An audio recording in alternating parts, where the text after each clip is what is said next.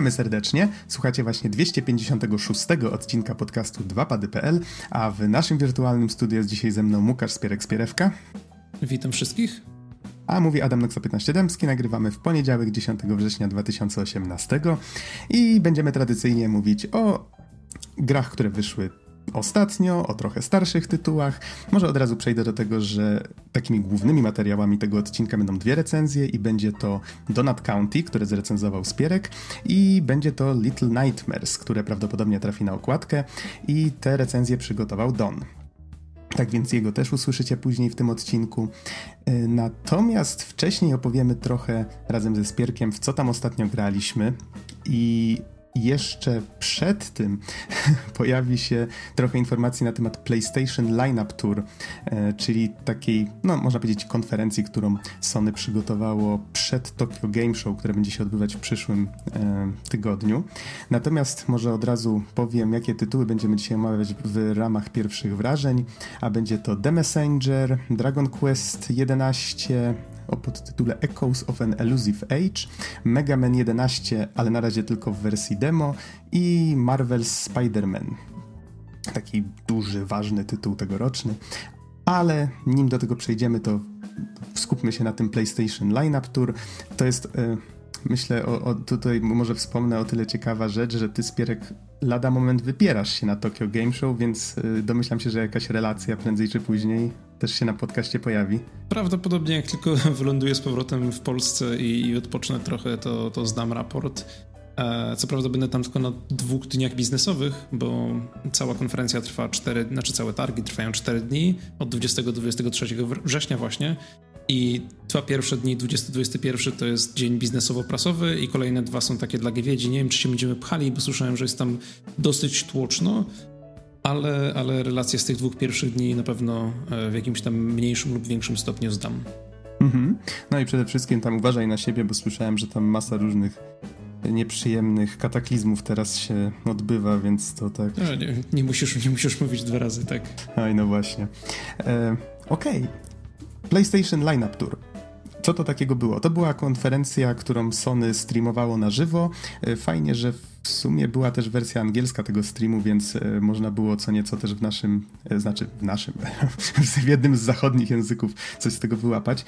Czyli było. Fajne było to, że mieli właśnie ten angielski stream, natomiast mm -hmm. to, że cały stream był tłumaczony na żywo przez tłumaczkę, która tak no powiedzmy średnio szybko dawała sobie radę i też e, jednocześnie jakby podkładała głos na trailery, które aktualnie lecą, więc te ścieżki dialogowe się po prostu zbijały w jedno, to technicznie mogli to przygotować lepiej moim A, zdaniem. to prawda. Chociaż wiesz co, ja akurat miałem okazję zobaczyć całość i ta tłumaczka, jeżeli się nie mylę, ona się pojawiła tylko w części Segi, więc yy, jakby to, to, jest o tyle fajne, że w sumie tylko w przypadku Segi pojawił się ktokolwiek na scenie, a cała reszta to właściwie były zwiastuny, które leciały jeden po drugim yy, i to było poprzetykane takimi.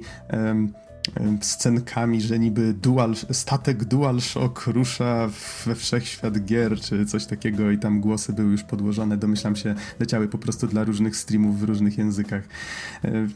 No więc o, tak, no, tak. właśnie chodziło mi szczególnie o ten, o ten segment Sagi, o którym pewnie pogadamy za chwilę trochę więcej, bo pokazali jedną dosyć ciekawą grę. Mhm, tak, całość trwała około godziny tego streamu, więc nie było to jakoś szczególnie długie. Um, Okej, okay. Więc przejdźmy do jakichś konkretnych tytułów. Zaznaczyliśmy sobie tutaj troszeczkę takich rzeczy, które zwróciły naszą uwagę. Było ich dużo więcej tak zaskakująco dużo było zachodnich gier, które już widzieliśmy, czy to na E3, czy przy innych okazjach, czy to Days Gone, czy no, chociażby Call of Duty, um, Ghost of Tsushima znowu się pojawiło. Do wielu z tych gier były jakieś nowe zwiastuny, filmiki, więc jeżeli jesteście zainteresowani, to zachęcamy, żeby sobie pogooglać temat. O ile już tego nie zrobiliście, bo nie, wspomniałem o tym, ale nagrywamy ten, ten wstęp wyjątkowo wcześnie. Prawdopodobnie ten odcinek trafi do sieci w momencie, kiedy albo Tokyo Game Show już trwa, albo już minęło, tak więc zobaczymy. No ale niestety takie rozjazdowe teraz, e, tak, taki okres rozjazdowy ciężko nam się było w innym terminie e, umówić.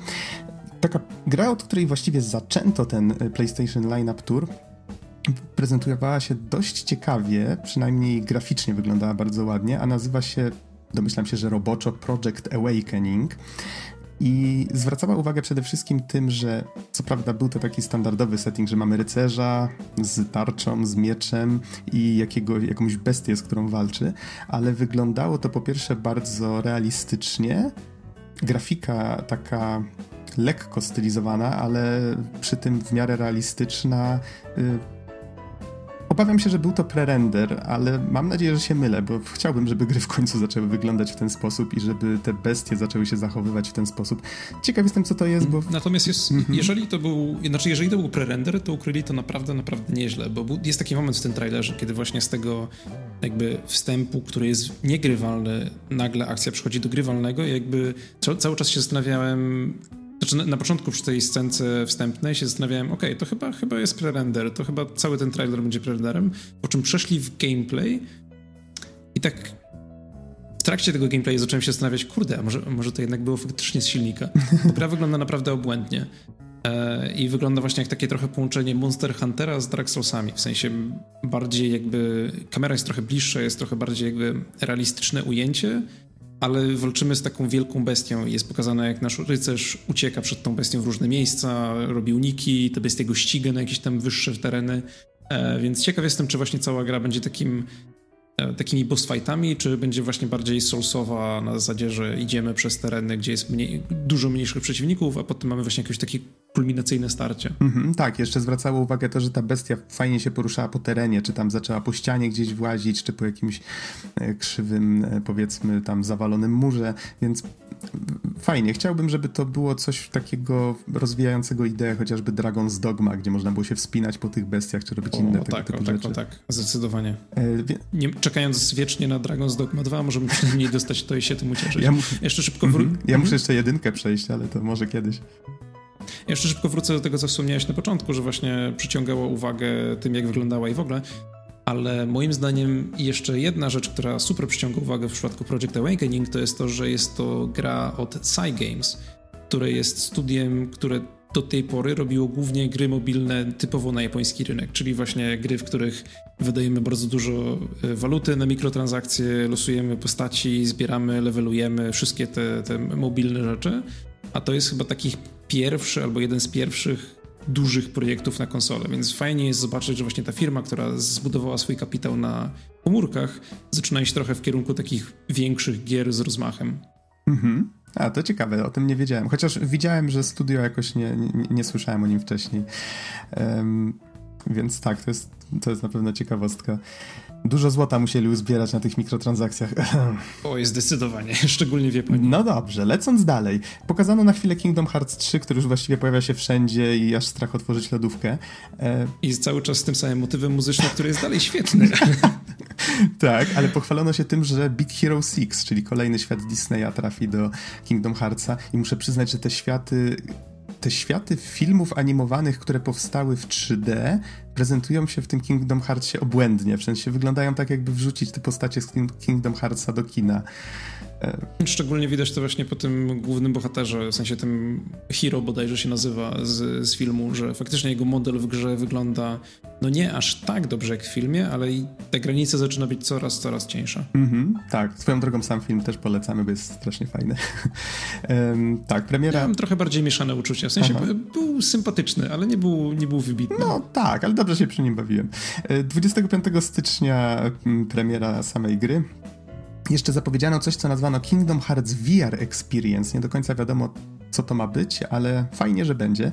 I jeszcze nie jestem pewien, ale wyłapałem tam jakąś informację w napisach, że bodajże będzie można przesłuchać w VR dwie piosenki nagrane w trakcie koncertów na żywo. Być może będzie to coś w rodzaju, że siedzimy na wirtualnej scenie i, i oglądamy właśnie ten koncert albo coś w tym rodzaju. Nie wiem, czy dobrze to odebrałem, znaczy zrozumiałem, tak, tak sobie tutaj zanotowałem. E, z innych rzeczy pokazano też, czas, czasami pojawiały się jakieś takie zwiastuny gier, do których w ogóle nie było nazwy, tytułu i ciężko było zrozumieć o co chodzi. E, trzeba było tych informacji szukać gdzie indziej. Na przykład pojawił się zwiastun gry, która właściwie teaser gry, która wyglądała graficznie bardzo podobnie do Valkyrie Chronicles, czyli w sumie trochę tak jakby takie maźnięcia pędzlem, trochę z konturem, taki właśnie specyficzny, udający rysunek styl. I grę tworzy Square Enix, konkretnie studio Istolia i ponoć za grę jest odpowiedzialny pro były producent serii Tales of. Całość powstaje na Unreal Engine 4 i ponoć nazywa się to Project Prelude Rune, a no, można się domyślić, że to jest kolejna nazwa robocza. Dużo tego ostatnio. Przynajmniej w tych japońskich studiach. Szczególnie w przypadku tej gry widać, że tak jeszcze no, parę lat w produkcji zostało, więc trochę zastanawia mnie, e, czemu odsłaniają tak wcześnie? Czy właśnie jest to związane z tym, że, że za grę odpowiedzialny jest były producent serii Tales of? Czy może, nie wiem, jest jakiś taki ważny moment, gdzie trzeba napompować e, wartość akcji firmy? Nie wiem. Może. Znaczy, wygląda bardzo ładnie, ale wygląda, patrząc na ten trailer, nie wyobrażam sobie zagrać w tę grę przed 2020. Mhm. No, pojawiały się tutaj też różne inne gierki, czy to zachodnie, czy, czy właśnie jakieś MMO, którego nawet nie zdążyłem wyłapać tytułu. E, remaster Final Fantasy Crystal Chronicles z GameCube, jeżeli ktoś byłby zainteresowany, ale chyba z takich rzeczy, które, o których można by trochę więcej powiedzieć, albo chociaż są takie, taką ciekawostką dla nas, to to, że e, pojawił się kolejny Battle Royale, który się nazywa Knife, Knives Out. I Mam nadzieję, że cała gra polega na tym, że masz tylko noże. Niestety nie, ze zwiastuna wynikało, że masz... Właściwie przez chwilę myślałem, że patrzę na PUBG'a, bo stylistyka jest podobna i tak myślę sobie, czy to jest jakiś pub, nie wiem, w jakiejś edycji specjalnej, kolejnej, czy coś takiego. Nie, to jest jakaś zupełnie inna gra. Zresztą pokazano logo złożone tylko z azjatyckich znaków, więc e, musiałem szukać, co to właściwie jest. Jeżeli ktoś nadal się interesuje Battle Royale, a patrząc po tym, że Fortnite jest teraz chyba najpopularniejszą grą na świecie, to domyślam się, że jest dużo takich osób, to no tak, to ciekawostka dla was. Co tam jeszcze? No właściwie pojawił się Earth Defense Force, który wiem, że ma, ma grono swoich takich wiernych wyznawców. E, nigdy nie grałem w żadną część, więc niewiele mogę powiedzieć. Ziemię atakują wielkie mrówki, jest dziwnie, bo walczy się z nimi mechami i masą innych tego typu rzeczy i wszystko jest takie quasi poważne. Um, ale chyba troszkę więcej możemy powiedzieć o Samurai Spirits, znaczy właściwie więcej. No, to było ciekawe, bo wyglądało dość fajne, bo to była bijatyka, ale z samurajami. Trochę można powiedzieć, że taka konkurencja chyba dla Soul Calibura. Słyszałem, że ta seria istniała już wcześniej, ale osobiście nigdy jakoś nie, nie słyszałem o niej. Mm. Ja tak samo. Pojawiło się znowu Sekiro, Shadows Die Twice, czyli kolejna gra od From Software. Widać, że będzie dużo bardziej dynamiczna od i, i e, Dark Soulsów i od Bloodstained nie, Jezu, już mi się tytuły zaczynają mylić, Bloodborna, e, pojawił się Left Alive. Z surferem żeśmy narzekali, że na E3 go w ogóle nie pokazano, czyli ten duchowy następca Front Mission, gra, która dzieje się teoretycznie w tym samym świecie. Pojawił się zwiastun, który niestety nie, pojawi, nie pokazał żadnego gameplayu, więc liczę na to, Spierek, że jeżeli znajdziesz tę grę na targach gdzieś tam, to zobaczysz, jak się w to właściwie gra. Spróbuję, spróbuję, ale to jest gra, która zawsze mnie troszkę zaskakuje, bo z jednej strony brzmi ciekawie, ale też pokazano na tyle mało tej gry, na przykład w ogóle jeszcze nie widzieliśmy rozgrywki, że sam nie wiem do końca czego się po spodziewać. Trochę wygląda jak taka gra klasy B, w sensie nie, nie taki wysokobudżetowy tytuł, ale coś trochę bardziej ala binary domain, więc mam nadzieję, że będzie fajnie. Zobaczymy. Mhm. Z tego co czytałem, to ma być zarządzanie zasobami w TPP, krawcenie i właśnie wybory moralne w rodzaju uratować ludzi w mieście opanowanym przez wojnę, czy, czy nie. Czyli bardziej taka walka o przetrwanie niż walka na froncie. Mm, domyślam się, przynajmniej tak sobie to wyobrażam, że to będzie trochę jak The Last of Us pod tym kątem, że pewnie to będzie liniowe, będziemy iść, znajdować przedmioty, krawcić z nich coś, co nam się przyda dalej i tak dalej, ale to są tylko takie moje domysły. No zobaczymy.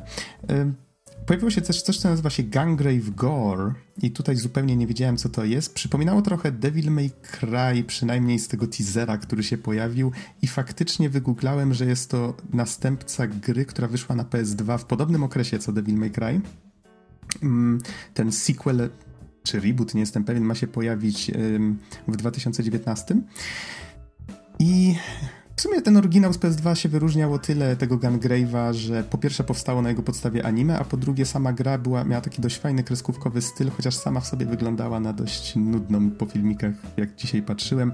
Możecie wygooglać, taka ciekawostka przyrodnicza, zobaczymy jak wyjdzie ta nowa wersja. No naturalnie pojawiały się tam też jakieś e, symulatory randkowe, czy inne takie rzeczy, Love R i tym podobne.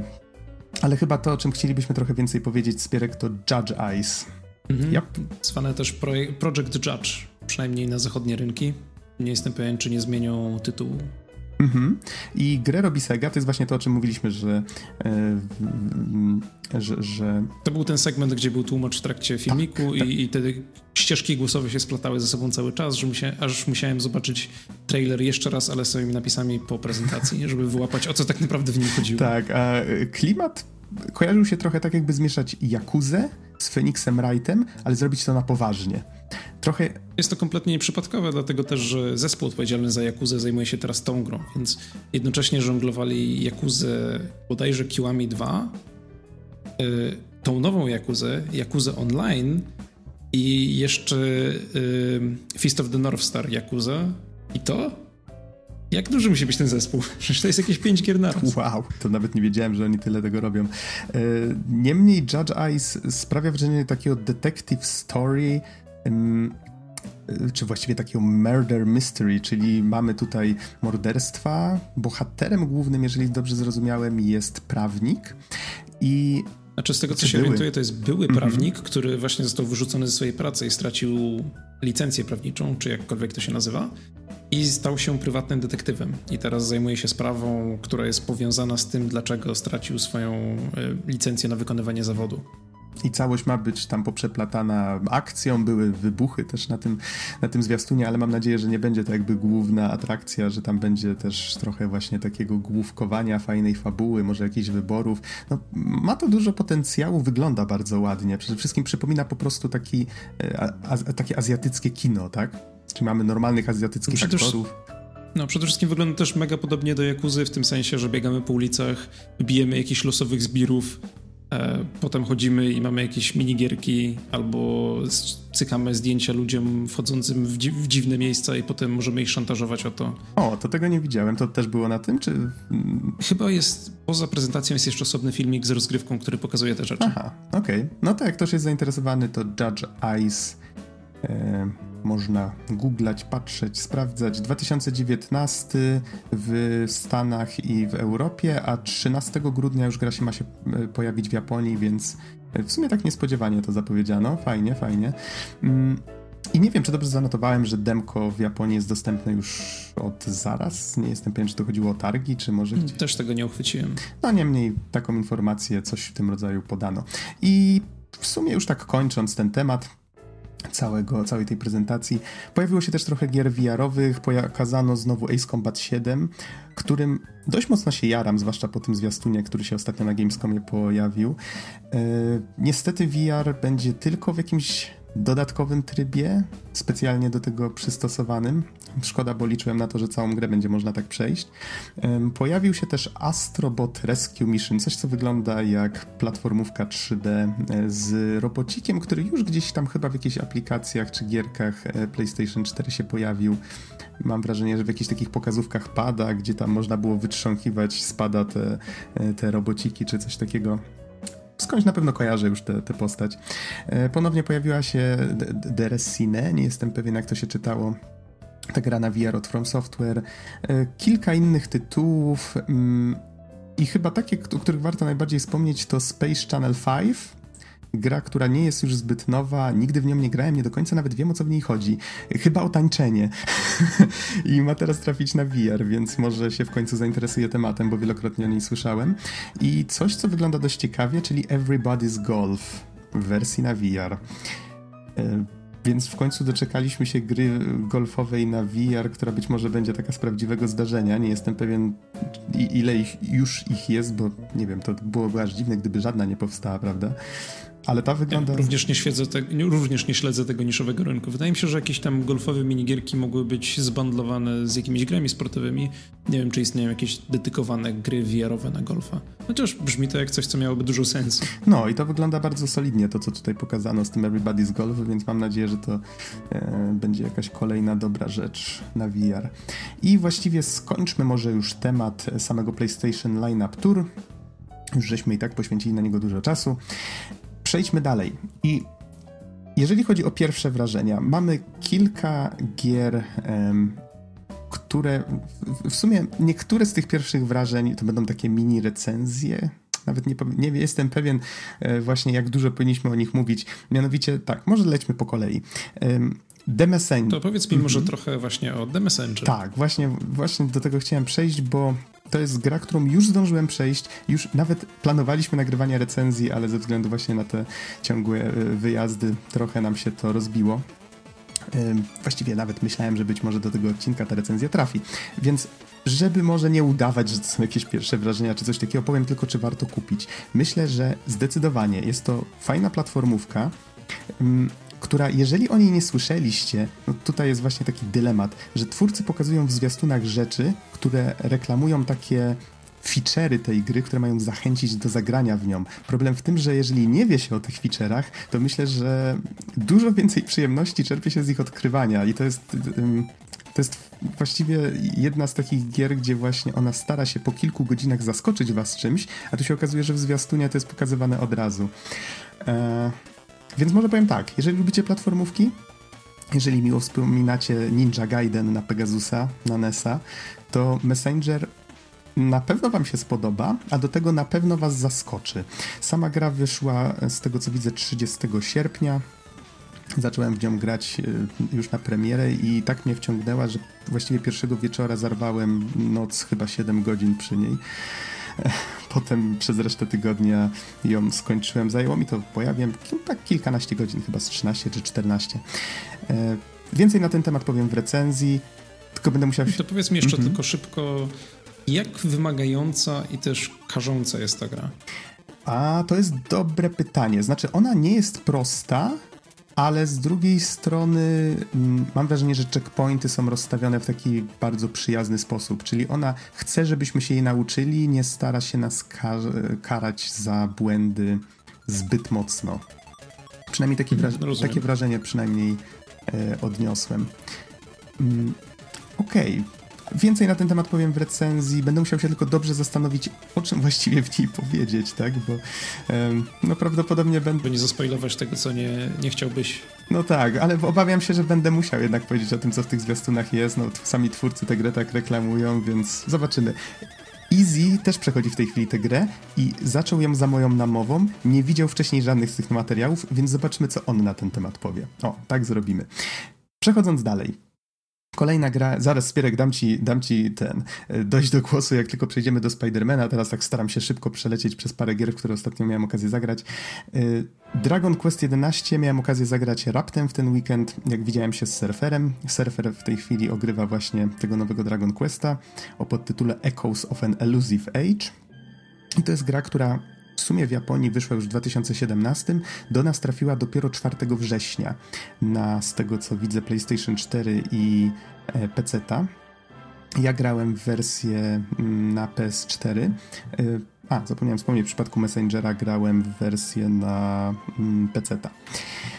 I Dragon Quest to jest seria, z którą w sumie nie mam prawie żadnych doświadczeń, ale z tego właśnie z, z paru rozmów, które o, o, w trakcie gry odbyłem, wynikało, że jest to seria, która właściwie ona się szczyci wręcz tą swoją archaicznością JRPG-ową. Czyli tak jak wiele JRPG-ów, jak Final Fantasy stara się iść z duchem czasu, zmieniać coś, odchodzić właśnie od tego, od tych starych pomysłów w rodzaju podział ekranu na e, drużynę przeciwną i naszą drużynę i, i, i, właśnie tam wybieranie ataków, tym podobne rzeczy, to Dragon Quest dźwiękami, jakimiś powiedzmy mechanikami, wszystkim wręcz nawiązuje do tych rzeczy sprzed jeszcze tam 20, chyba nawet 30 lat i widać, że to jest taka gra do, no, chyba skierowana do bardzo specyficznego grona odbiorców.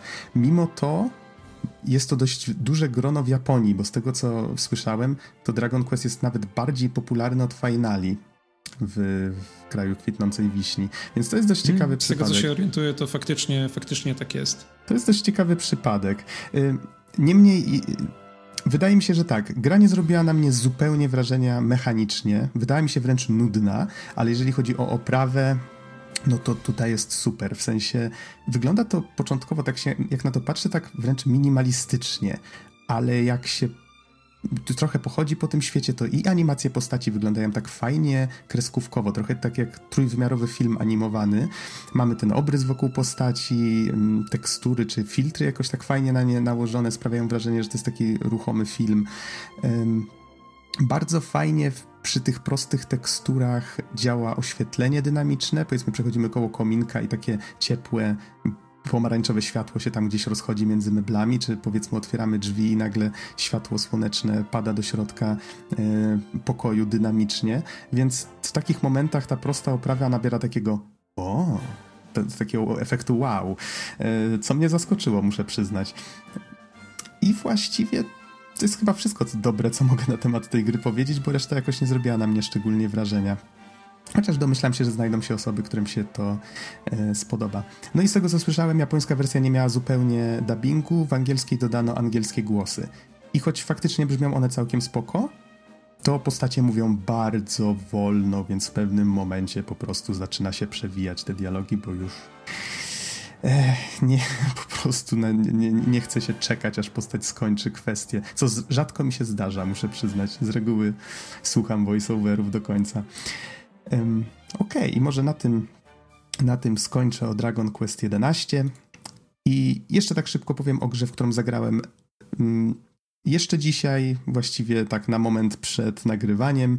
E, chodzi o Mega, Man, Mega Mana 11, konkretnie o demko, które wyszło w piątek, czyli czyli 7 września. Sama gra natomiast, natomiast ma się ukazać 2 października.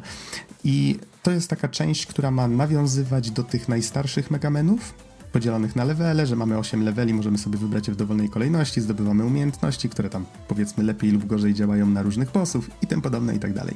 Tylko, że to wszystko tym razem jest zrobione w, e, w takiej nowej, ładnej oprawie 3D i ta oprawa naprawdę fajnie wygląda muzyka od razu wpada w ucho, jest taka bardzo catchy i to mi się od razu spodobało.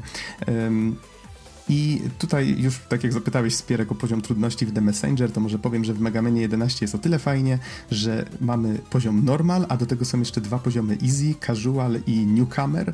I newcomer właściwie nie dość, że daje nam nieskończoną liczbę gier dodatkowych, to jeszcze chroni nas za każdym razem, jak spadniemy w przepaść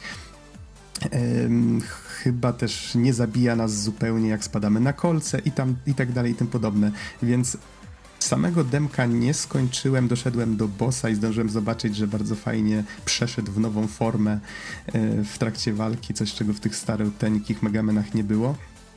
Więc to jest całkiem fajna rzecz. Niemniej nie udało mi się tego demka skończyć, bo grałem na normalu. Moja głupia duma nie pozwoliła mi grać na casualu. Ale gra prezentuje się na razie bardzo fajnie i widziałem, że fani głównie narzekają na to, że nie można zrobić. E, jak to się nazywało? Chyba Boss Doors Dash, czy jakoś tak? To przekręcam, ale chodziło o to, że jak się wskokiwało w drzwi bossa, to postać tak przelatywała razem z ekranem w prawo. Czyli w sumie coś, co każdy, kto nie grał nigdy w Magameny, tak by sobie pomyślał, co? Ludzie dbają o takie pierdoły, ale prawda jest taka, że faktycznie jak się grało w te stare Megameny i się wskakuje w te drzwi i postać nagle spada jak kamień na ziemię i sama idzie w prawo, to nagle jest takie hmm, hej, dla, dlaczego to się dzieje? Gra jednak zbyt mocno nawiązuje do starych tych, żeby takich rzeczy nie wyłapywać. No, i to tyle ode mnie. Może już skończmy e, z tymi grami. Skupmy się na tym, co właściwie chyba najbardziej przykuło naszą uwagę e, ostatnimi czasy, bo jest to taka olbrzymia premiera i ty, Spierek, chyba nawet nie powinieneś mówić o tym, że to są w twoim przypadku pierwsze wrażenia. Tutaj mówię oczywiście o Spider-Manie. Nie, u mnie to są, to są już kompletnie ostatnie wrażenia, ponieważ e, siadłem w ten weekend i spędziłem jakieś dobre 20 godzin i wyszedłem z niego ze swoją chyba nawet pierwszą platyną na PlayStation w ogóle. E, więc grę mam całkowicie wyczyszczoną. Póki nie wyjdzie nowe DLC, to już, to już nie mam po co siadać do Spidermana. A premiera, premiera była siódmego, czyli nie zdarza mi się to często, naprawdę nie zdarza mi się to często, ale jakoś w przypadku tej gry tak się złożyły terminy dobrze, że też chciałem mieć grę skończoną przed wyjazdem, mm-hmm. bo wiem, że jak wrócę za trzy tygodnie do tej gry, to już nie będzie mi się chciało aż tak bardzo w nią grać. No tak. nie, nie, lubię generalnie zostawiać gier na wpół skończonych, bo wiem, że potem, potem już do nich nie wracam. To, to zrozumiałe, ale kurczę, gra wyszła w piątek, a ty już dzisiaj w poniedziałek, właściwie wczoraj w niedzielę wieczorem już mi napisałeś, że masz platynkę, e, a to jest o tyle ciekawe, że to jest gra, która właściwie jest takim taką serią, to, to, to, samo czym, albo inaczej, seria Arkham dla Batmana była czymś takim, co właściwie spopularyzowała Batmana w świecie gier, tak? To w końcu była taka świetna seria z Batmanem. To wydaje mi się, że Spider-Man y, może być właśnie czymś takim dla Spidermana. To jest takie moje pierwsze wrażenie, bo gra jest na naprawdę wysokim poziomie. Wszystko jest w niej tak doszlifowane, tak fajne, tak soczyste. No po prostu grać. Mm, tu się z tobą zgodzę. W sensie jakby jeżeli chodzi o poziom techniczny tej gry, Jezus Maria.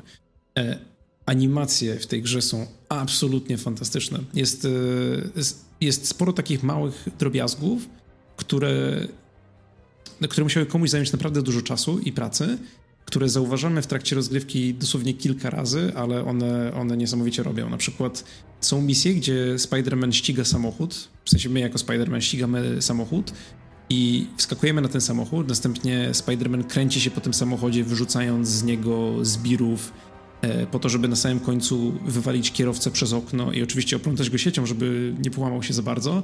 Następnie skakuje na maskę e, obydwoma nogami, uderza, znaczy jakby przyciska maskę do ziemi i stara się zatrzymać samochód pajęczyną i iskry tryskają na wszystkie strony i wygląda to absolutnie fenomenalnie.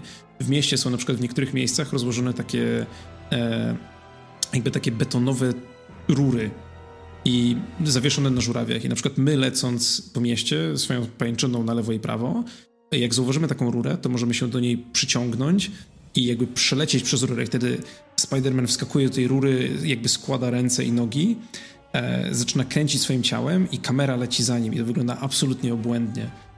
Uff, a, a, żeby jeszcze tylko powiedzieć o takich detalach, jak na przykład to, że większość, e, za pomocą takiej dosyć sprytnej sztuczki renderingowej, ale większość e, pokojów czy mieszkań w budynkach wygląda jakby tam faktycznie coś się działo w środku. W sensie nie ma tam ludzi, którzy robią rzeczy, ale widać, że są tam jakieś przestrzenie, a nie tylko odbijające światła. A, tak, tak. E, to, że na przykład, i co zauważyli gracze w ten weekend na Twitterze, e, większość kwestii Spidermana mówionych w trakcie kiedy, jest, kiedy jesteśmy w, w, open, w open worldzie, czy na przykład lecimy z misji do misji i ktoś do nas dzwoni i odbieramy telefon, została nagrana podwójnie. Czyli jeżeli Spider-Man stoi w miejscu, to on mówi tak spokojnie, e, odpowiada na wszystko, a jeżeli akurat lecimy po mieście, to jego kwestie są takie zadyszane, robi takie dłuższe pauzy pomiędzy, pomiędzy zdaniami, więc wszystkie kwestie, wow. które mogą odbywać się wtedy, wtedy, zostały nagrane przez twórców gry podwójnie, ponieważ nie jest to coś, na co zwracamy uwagę świadomie, ale to naprawdę, naprawdę mocno czuć w trakcie rozgrywki. Wow, to nie zwróciłem na to jeszcze uwagi, ale faktycznie wow. Powiem ci za to, że z tymi oknami, tak, faktycznie ten, to, to jest coś, co przykuło moją uwagę, bo to faktycznie jest fajny shader zrobiony. Jak ktoś się orientuje w tym, e, jak, jak działa game development, to, to będzie wiedział o czym mówię, e, który ma trochę wad, ale no cóż, optymalizacyjnie na pewno działa to dobrze. Na przykład można sobie, nie wiem, zajść za róg y, budynku i wtedy widzimy, że pomieszczenie, które oglądamy niby w środku ma drzwi, które prowadzą na zewnątrz, ale no właśnie, na zewnątrz nic nie ma, tak? Nie ma tam żadnego balkonu ani drzwi po drugiej stronie. Ale to jest coś, co zauważam tylko faktycznie osoby, które będą się temu bardzo przyglądać. W akcji wygląda to świetnie, bo budynki w takich w, znaczy, nie grałem w poprzednie gry ze Spider-Manem, te starsze, ale z reguły, z tego co widziałem, to zawsze były po prostu bloki z oteksturowanymi dookoła ym, nieprzezroczystymi oknami, tak? I tutaj w końcu... Okna, które odbijają światło. Tak, i tutaj w końcu mamy budynki, które wydają się być bardziej żywe, zwłaszcza, że w grze mamy różne... Ym, ym, różne może pory doby. One nie zmieniają się dynamicznie, co wydaje mi się jest uzasadnione technicznie, bo światło jest prawdopodobnie wypalone, wygląda właściwie fenomenalnie w wielu miejscach. Czy to właśnie um, miasto w pełnym słońcu, czy już jak słońce zachodzi, czy w, w, środku nocy. Każda z tych pór wygląda naturalnie, fajnie i jak wchodzimy w jakieś właśnie takie miejsca, gdzie słońce ledwo dochodzi, to właśnie widać, jak to takie światło odbite gdzieś tam ładnie się odbija pod jakimś mostem czy pod czymś, więc no, gra wygląda świetnie. Widziałem jakieś takie właśnie narzekania, że tam niby jakiś downgrade był czy coś, ale tak szczerze mówiąc, ja aż bym się puknął w głowę. Ta gra wygląda świetnie pod tyloma względami, że aż, aż ciężko mi tutaj właśnie krytykować twórców za cokolwiek. Przynajmniej na razie nie znalazłem żadnego powodu. Um... Ale rozpływamy się tak cały czas o tym, o tym wyglądzie, ale przejdźmy może do e, jakby właściwego deseru, czyli gameplayu. I gameplay w tej grze też jest naprawdę dobrze zrobiony. Tak jak wspomniałeś na początku, że ta gra jest e, tym, czym, znaczy prawdopodobnie będzie dla Spidermana tym, czym Arkham, seria Arkham była dla Batmana.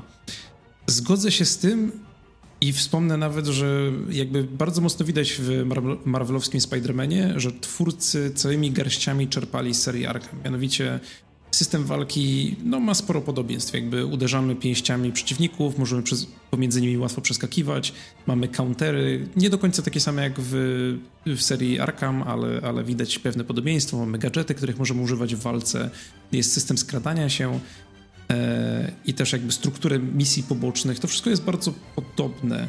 Natomiast w moim odczuciu Spider-Man robi te rzeczy lepiej. I, I, pomimo tego, że nie jest to już taka rewolucja, jak kiedy się pierwszy raz grało na przykład w Arkham Asylum albo Arkham City, e, bo to wtedy faktycznie było takie, o wow, tego jeszcze nie widziałem. Tutaj jest to bardziej dopieszczenie tego, co te serie wprowadziły.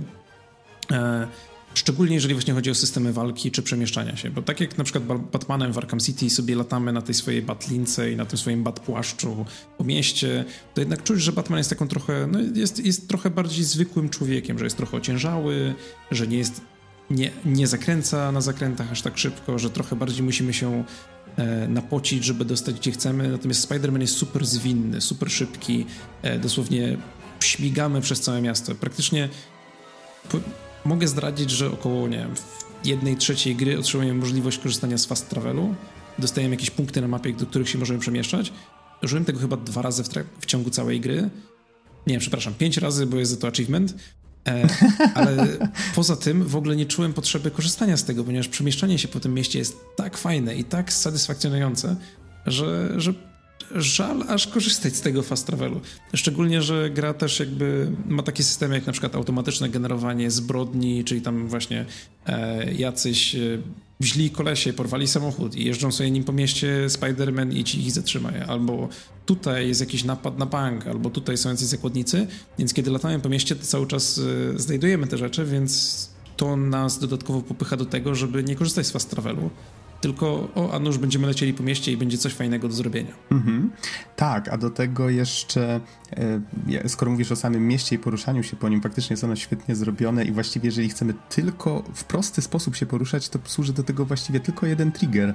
Po prostu możemy trzymać do przodu, trzymać ten jeden trigger i lecimy przed siebie, on sam wybiera powiedzmy punkty, które chce się zaczepić, więc jest to zrobione fajnie, ale jeżeli chcemy się trochę bardziej w to zagłębić, nagle się okazuje, że możemy puszczać ten przycisk w odpowiednim momencie, lecieć, szybować sobie w dół i w odpowiednim momencie go znowu włączyć, wtedy siu, lecimy przed siebie. Albo wow, są też takie punkty, to... że możemy przycią przyciągnąć się do obiektu, jeżeli w odpowiednim momencie się wybijemy z tego, to też dostajemy mały boost, więc faktycznie tak jak mówisz, możemy bardzo prosto lecieć jednym przyciskiem po mieście, ale jeżeli chcemy, to możemy używać właśnie kombinacji tam trzech czy czterech przycisków, po to, żeby po tym mieście się przemieszczać dużo, dużo szybciej. I to sprawia, że ten system ma taką fajną głębię. Tak, tak, dokładnie. Czyli jeżeli chcemy się w to bardziej zagłębić, to y, tam pojawiają się nowe przyciski, nowe rzeczy, które możemy nacisnąć w konkretnym momencie i wtedy robimy to, co zwykle robiliśmy, ale lepiej, szybciej, zwinniej. To, co powiedziałeś zresztą zabrzmiało lepiej niż to, co ja powiedziałem, bo moje to zabrzmiało, a i wtedy jak zrobić ciu, ciu, ciu, to wtedy zrobić siu, siu. I właściwie tak też można by to opisać. No po prostu jest dużo frajdy. E, z takich innych rzeczy, o których chciałem wspomnieć, to to, że mm, faktycznie wychodzi nam z tego taka mini recenzja, no ale nie będzie przez mm, trochę czasu jednak okazji o tym pogadać, więc e, może, może skorzystajmy z tego już teraz. E, bardzo fajnie odwzorowano Manhattan W sensie akcja faktycznie dzieje się na Manhattanie. Ja przyznam szczerze, miałem okazję być w Nowym Jorku, to chyba było ze dwa lata temu. E, Bardzo fajnie. Powiem ci, że tak, miałem takie małe déjà vu, jak grałem w Assassin's Creed 2 i potem odwiedziłem Włochy, czy to Wenecję, czy Florencję, to ta wiedza wyciągnięta z gry, to jak sobie twórcy wyobrażali właśnie te miasta, odwzorowując te landmarki przy okazji, te kluczowe jakieś tam miejsca, to ja się poruszałem jakby mając w głowie cały czas tę grę.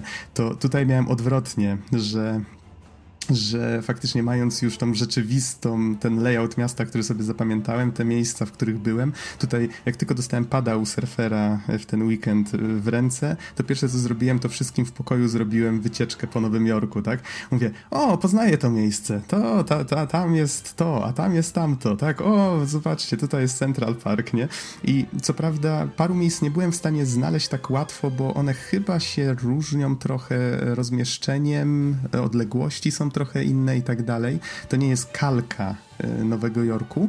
Niemniej, jeżeli się powiedzmy obserwuje to miasto z dachów, gdzieś tam wysoko patrzy po, po okolicy, to, to, to, to jest Nowy Jork, tak? Chodzimy powiedzmy po ulicy zamiast fruwać, czujemy się jak między tymi budynkami y, czy kamienicami Nowego Jorku, więc to faktycznie udało się twórcom świetnie odwzorować. Kolorystyka y, tego miasta w różnych porach dnia też właściwie się bardzo fajnie pokrywa.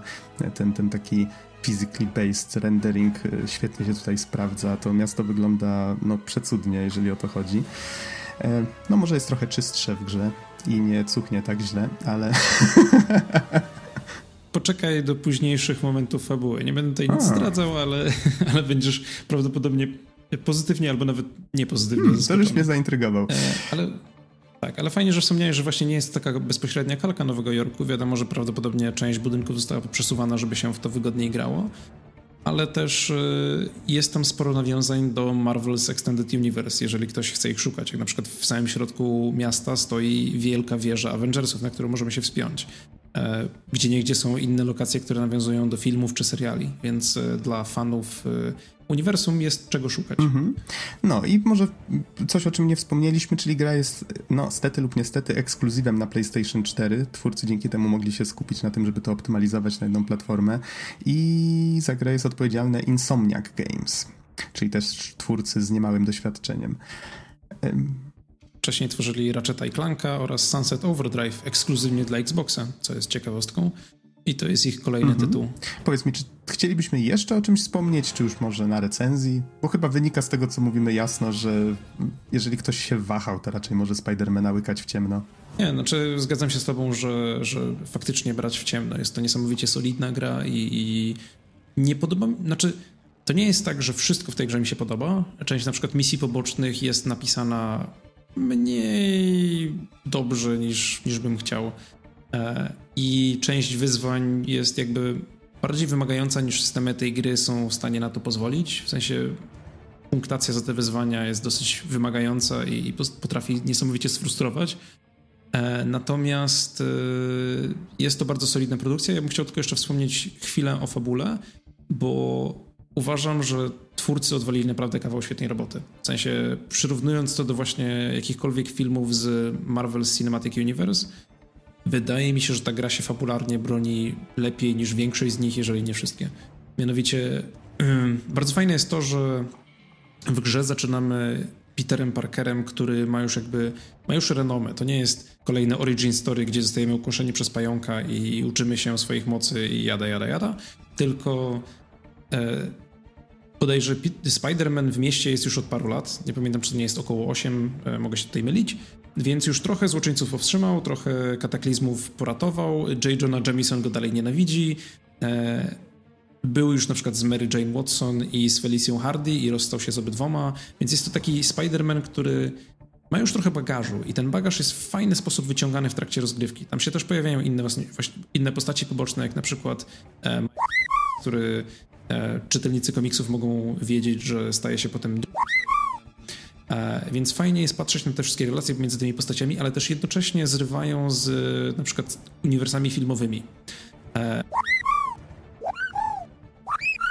I te właśnie wszystkie sposoby, na które ucharakteryzowano te postaci i to, jak widzimy, jakich charaktery się zmieniają w trakcie rozgrywki, jest naprawdę, naprawdę solidnie zrobione. Tak więc tego się chyba najbardziej po tej grze nie spodziewałem, że wchodząc w nią, znaczy spodziewałem się takiej trochę jakby sztampowo-popcornowej fabuły, coś, co jest wystarczająco dobrą motywacją do tego, żeby sobie polatać po mieście i, i pobić przeciwników, ale dostałem kawał takiej całkiem nieźle napisanej fabuły. Wiadomo, że nie jest to nie jest to, nie wiem, Spec Ops The Line, ale jest naprawdę solidnie. Mm-hmm.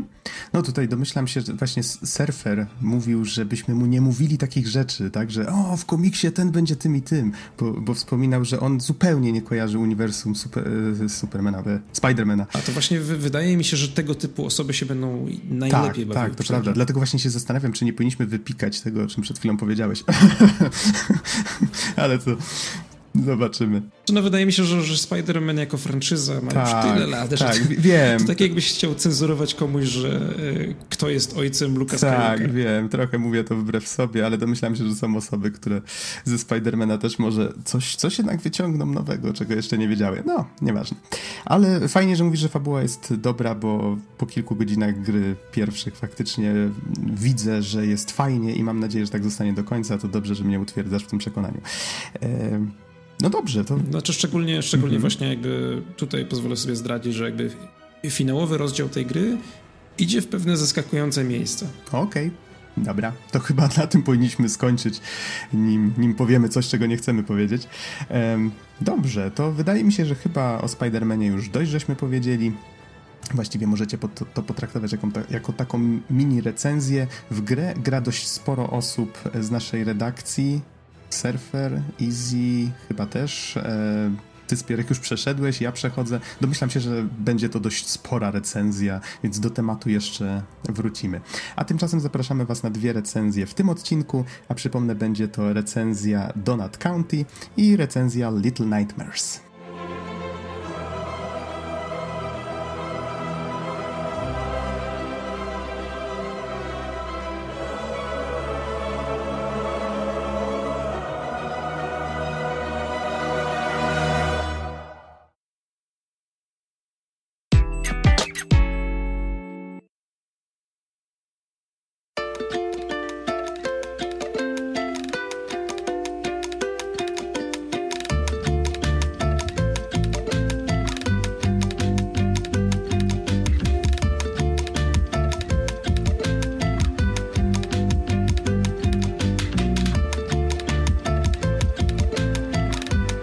Wirtualnym studiu jest teraz ze mną Łukasz Spierek-Spierewka.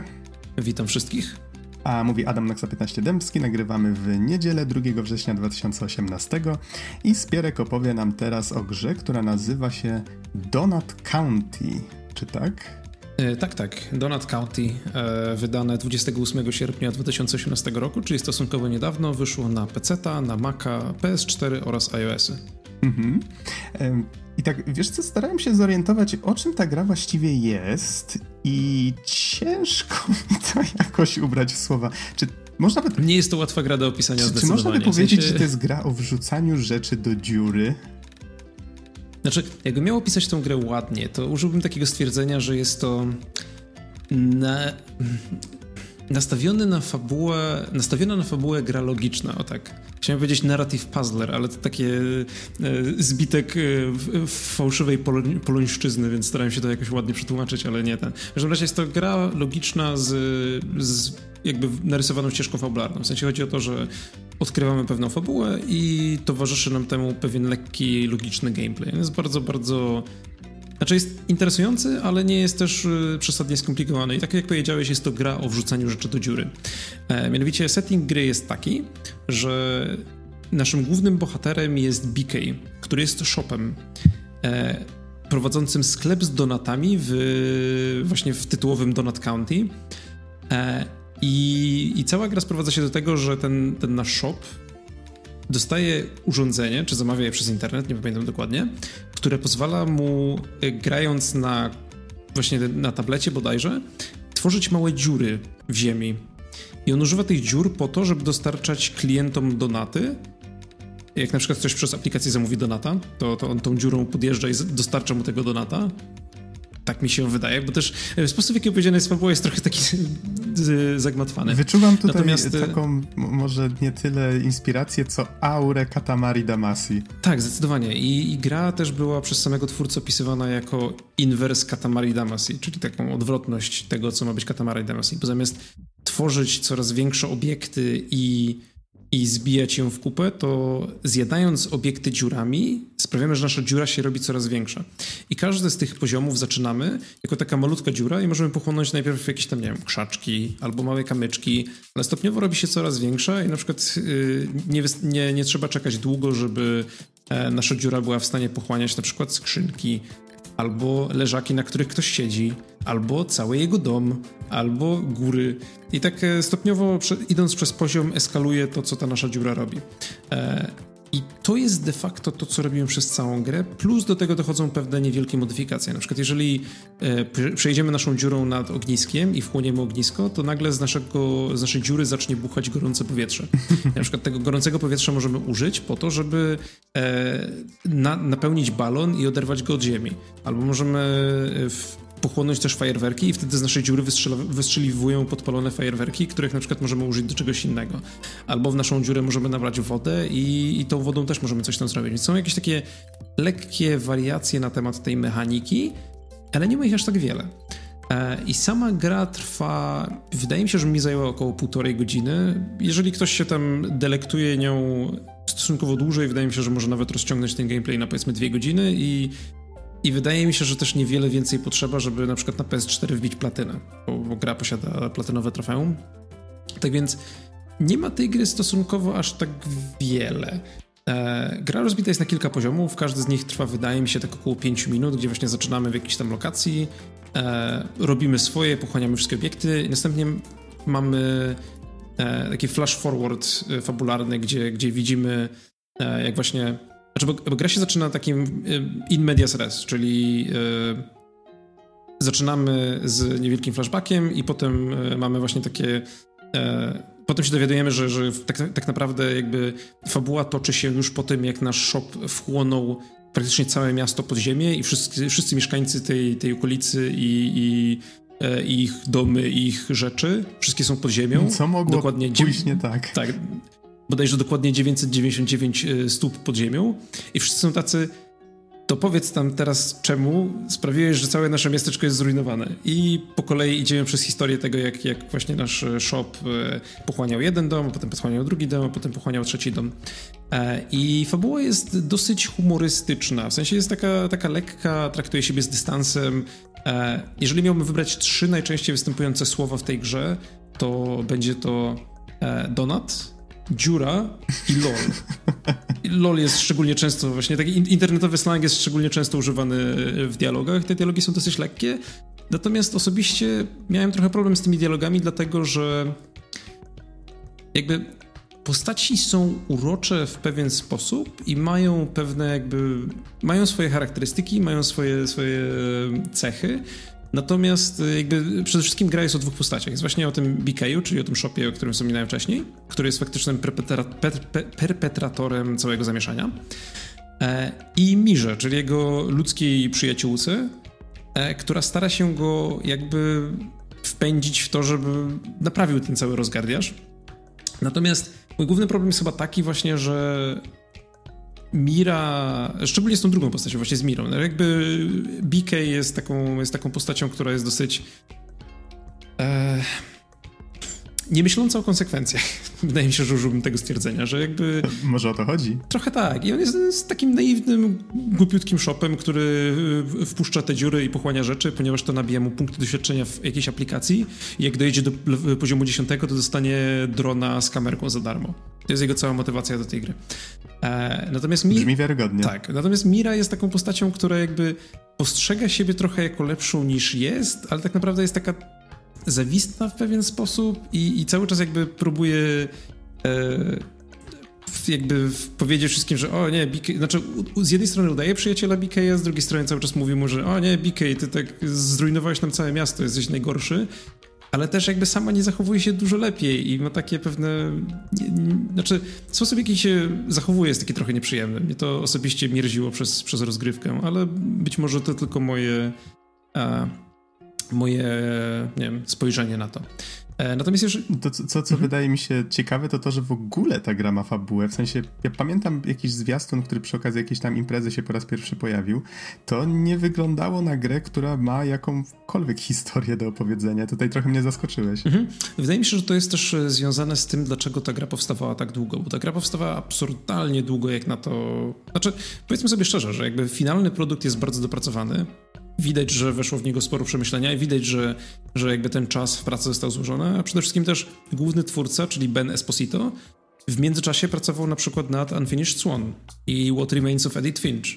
I to były gry, które też pewnie zabierały sporo czasu i sporo pracy, żeby, żeby wyszły. I on cały czas tworzył Donut County, pracując nad tamtymi rzeczami jednocześnie. Więc e, Pierwsze wzmianki, w ogóle gra, gra zaczęła powstawać w 2012 roku, czyli 6 lat temu. Była zainspirowana tweetem Petera Molyneux, e, który, cytuję, e, napisał, czyli właśnie tym fałszywym kontem Petera Molyneux, nie tego, nie tego prawdziwego twórcy Godusa czy, czy Black and White, tylko tego fałszywego konta na Twitterze, który rzucił taki losowy pomysł w Ether, e, cytuję, You play a hole, you must move around an environment, making certain elements fall into correct targets at the right time. Czyli grasz jako dziura, przemieszczasz się po środowisku i sprawiasz, że w określonych momentach pewne elementy mają wpadać do dziury. E, I jakby Ben Esposito jakby zobaczył ten pomysł i uznał, ok, dobra, zróbmy z tego grę. I on już w tamtym roku, czyli w 2012 miał pierwsze demo, które pokazywał na targach. Nie, niestety nie zapisałem sobie na jakich, ale Trzy lata później była na przykład nominowana jako finalista, znaczy była finalistą w kategorii Excellence in Visual Arts na Independent Games Festival, czyli takim jakby największym festiwalu dla gier indie. Jest to największe wyróżnienie, które można, można dostać w tej, w tej kategorii.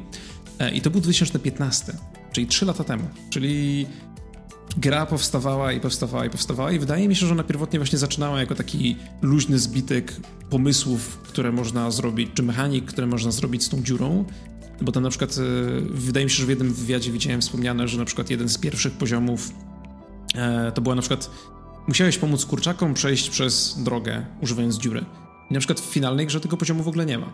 Więc wydaje mi się, że znaczy dosyć mocno zakładam, że musiało istnieć masa poziomów i pomysłów i mechanik, które po prostu nie trafiły do finalnej gry, wersji gry, bo w pewnym momencie zaczęła tam powstawać ta fabuła i ona zaczynała zlepiać tę grę w trochę inny sposób, dlatego no, nie wszystkie pomysły pasowały. E, ale osobiście uważam, że obecność fabuły jako takiej jest plusem. Wydaje mi się, że gdyby to był właśnie taki po prostu zlepek poziomów, gdzie, gdzie robimy jakieś dziwne rzeczy, to nie byłoby to, to byłoby to mniej fajne niż to, co dostaliśmy, ale też jednocześnie coś w tej fabule mnie mierdzi na takim fundamentalnym poziomie. Wydaje mi się, że jakby nie byłem w stanie się zżyć z żadnym z tych bohaterów i uważam, że sposób, w jaki są napisane, jest taki troszeczkę odrzucający. Mhm. A powiedz mi może trochę o oprawie, czyli e, jak oceniasz to, jak gra wygląda, jak brzmi? Ja tutaj mam ją przed oczyma, jest taka raczej prosta i kreskówkowa. Nie wiem, czy to dobre określenie. Mhm. Znaczy, oprawa wizualna jest moim zdaniem bardzo dobra. W sensie widać, że tam faktycznie e, w tych sześciu latach produkcji sporo czasu musiało właśnie pójść na to, żeby ta gra wyglądała tak, jak wygląda, bo styl jest taki bardzo, jest taki bardzo pastelowy, ale też taki bardzo minimalistyczny. Cała gra jest w 3D, e, ale nie jest to takie właśnie twarde 3D. Nie ma na przykład żadnych, e, znaczy nie ma w ogóle na przykład żadnych odbić na powierzchniach. Światło jest takie bardzo uproszczone ale ten styl się klei. On wygląda naprawdę fajnie i, i wydaje mi się, że właśnie też wykombinowanie tego stylu i wykombinowanie tego, jak to wszystko działa i na przykład takie, takie drobne, estetyczne e, dodatki, jak na przykład to, że dziura jest cały czas widoczna na ekranie, nawet jeżeli jakiś obiekt w nią wpada, bo jakby rysowana jest dziura i faktycznie obiekt wpada do tej dziury, ale na obiekcie dziury jest jeszcze rysowany taki lekki gradient, który sprawia, że na przykład nigdy nie tracimy tej dziury z wzroku, nawet jeżeli zasłaniają jakiś duży obiekt, który akurat pochłaniamy. Wydaje mi się, że na przykład wykombinowanie fizyki w tej grze też musiało zająć niesamowicie dużo czasu, bo na przykład są takie, takie drobne rzeczy, których, które łatwo jest tego nie zauważyć, jeżeli się na to nie skupi uwagi, ale one mega dużo zmieniają w odbiorze tej gry i tym, że ona działa stosunkowo dobrze. Na przykład to, że jeżeli zaczynamy pochłaniać obiekt, ale on nam się zaklinuje, to lekko trzęsąc tą dziurą w taki bardzo intuicyjny sposób jesteśmy w stanie ten obiekt wyrzucić z tej dziury. Więc e, tylko raz chyba w grze udało mi się zepsuć ją w taki sposób, że musiałem resetować poziom, bo nie byłem w stanie go przejść. I to tylko dlatego, że obiekt e, wyleciał mi poza obszar, gdzie mogłem dotrzeć swoją dziurą, więc nie byłem w stanie go jakby przechylić na tyle, żeby wpadł do środka. E, pod tym względem jest bardzo dobrze zrealizowana. I jakby muzyka i dźwięki też są całkiem spoko. Nie jest to soundtrack, którego słuchałbym osobno i raczej nie, nie rozpływałbym się nad nim e, myśląc sobie, o jaka dobra muzyka, jest taka bardziej, e, jest dobrym akompaniamentem rozgrywki. Pasuje do stylistyki. Mhm. To tak może zmierzając już do podsumowania, powiedz, komu byś polecił właściwie Donut County i czy takie pytanie ode mnie, czy właściwie warto grać w tę grę dla fabuły, czy to raczej tak, e, raczej trzeba to traktować jako taki dodatek? To tak. Yy, odpowiem, no, odpowiem yy, zaczynając od tego drugiego pytania. Czy warto grać w tę grę dla fabuły? Moim zdaniem niekoniecznie. W sensie nie podnosiłbym tej gry z myślą o tym, że to będzie fajna fabuła, której doświadczymy. To jest bardziej tak, że na przykład dla mnie osobiście byłem zainteresowany tą mechaniką. Chciałem zobaczyć, co twórca wycisnął z tej mechaniki, w jaki sposób ona działa w grze, czemu ona jest na tyle ciekawa, że zdecydował się oprzeć całą grę na połykaniu elementów dziurami. E, a fabuła była trochę drugorzędna i, jakby po skończeniu gry uważam, że, że tak jest. Jeżeli podoba, jeżeli komukolwiek z was podobałaby się ta gra ze względu na to, jak wygląda, albo ze względu na to, że, że uważacie, że mechanicznie może być ciekawą grą, to wydaje mi się, że, że warto byłoby ją podnieść, a fabuła jest fajnym akompaniamentem do tego, ale zdecydowanie nie jest głównym daniem. E, jeżeli chodzi o to, czy bym polecił tą grę, e, dodam tylko, że, bo, bo następnie zapomniałem o tym dodać, e, ja przechodziłem grę na iPadzie i wydaje mi się, że jeżeli miałbym właśnie wybrać jakąkolwiek platformę do tego, żeby zagrać tę grę, znaczy spodziewałem się, że wszystkie pozostałe też są, też są dobrze zrobione i, i działają jak trzeba, ale jest to przede wszystkim w moim odczuciu taka dobra gra na iPada. Mianowicie odpalamy sobie tablet, leżymy w łóżku, jest późno e, i chcemy pograć w coś, co nie jest bardzo wymagające motorycznie. W sensie nie musimy szybko robić rzeczy, możemy w swoim tempie odkrywać te światy. E, nie wymaga od nas zręczności, ani nie wymaga od nas specjalnie pomyślunku. Możemy po prostu jakby jeździć sobie tą dziurą, aż, aż wszystkie rzeczy zostaną wchłonięte. I przygrywa nam fajna muzyczka, jest sympatycznie i tak, tak, bym, tak bym tą grę zareklamował, jako taki e, niewymagający większego zaangażowania produkt, który jest sympatyczny i fajny, ale nie jest to właśnie satysfakcjonująca gra logiczna pod tym względem, że, że będziemy się trudzić nad zagadkami jak wykombinujemy, jakie, jakie rozwiązać, to będziemy tacy, o kurde, ale tu, ale tu jestem bystry, ale fajną zagadkę rozwiązałem. Nie jest to tego typu gra. Jest to bardziej taki interaktywny, jest takie interaktywne doświadczenie, które możemy sobie chwilę pograć i, i potem je kończymy i myślimy sobie, okej, okay, to było spoko. Trochę jakbyśmy poszli na komedię romantyczną do kina. E, nie, jest, nie jest to e, specjalnie wymagające doświadczenie, ale, ale wychodzimy, jesteśmy zadowoleni i możemy sobie pójść dalej, więc e, jeżeli szukacie czegoś takiego, to wydaje mi się, że Donut County jest warte zagrania.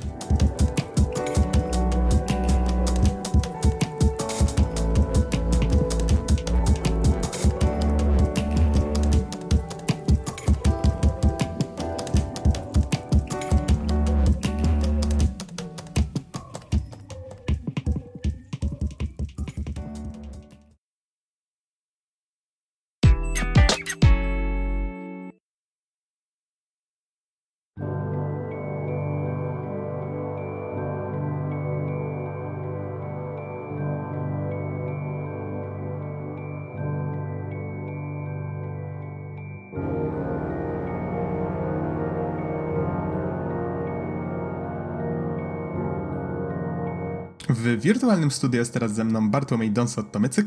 Halo, halo. A mówi Adam Naksa 15 Dębski. Nagrywamy w niedzielę 26 sierpnia 2018 i Don będzie teraz recenzował grę, która nazywa się Little Nightmares.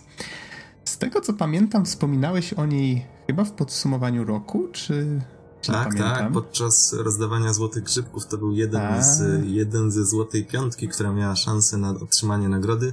Niestety okazuje się, że z Nier Automatą trudno jest wygrać, ale postaram się pokazać też w dzisiejszej recenzji, że Little Nightmares to jest tytuł, który być może, być może warto go e, sprawdzić. Mhm. A tutaj może przytoczę trochę encyklopedycznych informacji na początek. Gra została stworzona przez Tarsier Studios. Nie jestem pewien, czy to dobrze czytam. Tuż przed nagrywaniem staraliśmy się dojść do tego, czym jest Tarsier i nie jesteśmy pewni, ale to jest chyba Tarsiusz, czyli według encyklopedii PWN małpiatka nadrzewna o małej, okrągłej głowie z, duży, z bardzo dużymi oczami. Ja, ja, słyszałem w różnych recenzjach, że wymawia się to Tarsier. Nie wiem, Będę prosił o wybaczenie, jeśli chodzi okay. o angielszczyznę. Niemniej tak, to jest nazwa studia. Gra została wydana przez Bandai Namco Entertainment. Została stworzona na Unreal Engine 4, a wyszła na e, Windowsa, PlayStation 4, Xbox One i Switcha. Przy czym te pierwsze wersje wyszły 28 kwietnia 2017, a wersja Switchowa 18 maja tego roku. Okej, okay. i widzę, że jest to gra single player określona jako puzzle platformer survival horror. Hmm. O, tak, można powiedzieć, że żeby zacząć mówić o tej grze, to można ją trochę mówienie o niej ukierunkować troszeczkę jak Limbo czy Inside, które w gruncie rzeczy opierają się na podobnych założeniach, e, bo Little Nightmares to jest właśnie trójwymiarowa platformówka, której akcja dzieje się w dosyć mrocznym, a nawet trochę groteskowym świecie, mamy też zagadki, ale, ale myślę, że to ukierunkowanie jest dobre tylko na początek, bo twórcom udało się wykreować myślę, że dosyć unikalną formułę rozgrywki, y, która wychodzi z tych pewnych podstawowych założeń, a potem, y, a potem idzie w jakby w troszeczkę innym kierunku. W każdym razie, jeszcze zanim na dobre zacznę mówić o grze, warto jest wspomniania uwaga, że grałem na PlayStation 4 Pro, czyli no, na jednej z tych, że tak powiem, oryginalnych platform, a jeszcze już y, jak zacznę, jak skończę mówić na dobre o samej grze, tradycyjnie już y, postaram się powiedzieć kilka słów o figurce, która została dołączona do edycji kolekcjonerskiej. I już też y, pewnie będzie, pewnie już jest wtedy, kiedy słuchacie, zdjęcie tej figurki gdzieś tam w naszych kanałach rozpowszechnione, więc więc to też e, jakby powinno wszystko być. Ja podczas rozdawania e, złotych grzybków zeszłorocznych zacząłem od muminków i myślę, że to jest jeden z lepszych sposób, sposobów, żeby, żeby właściwie zacząć. E, nie wiem, czy kojarzysz Nox, ale w jednym z odcinków muminków, i to w ogóle nie jest śmieszne, to, że teraz przywołuję muminki, ale w jednym Dlaczego odcinków... miałoby być śmieszne? Muminki były fajne. To, fajne, trochę niepasujące do Little Nightmares, ale, ale to zaraz się wszystko wyjaśni. Otóż w jednym no, odcinku... Chyba, że do Buki chcemy nawiązać, to może dlatego. Nie do końca w jednym odcinku była mowa o jakichś takich specyficznych skrzatach, stworkach, które chowają się po kątach w domu i wychodzą w nocy. E, no i oczywiście jedyny znak tego, że gdzieś tam po domu krążyły pod, pod półkami, pod szafkami, gdzieś tam na, na, szczycie szaf jest to, że gdzieś tam te brudne łapki są odbite, albo gdzieś tam nadgryzione, zostawione jedzenie.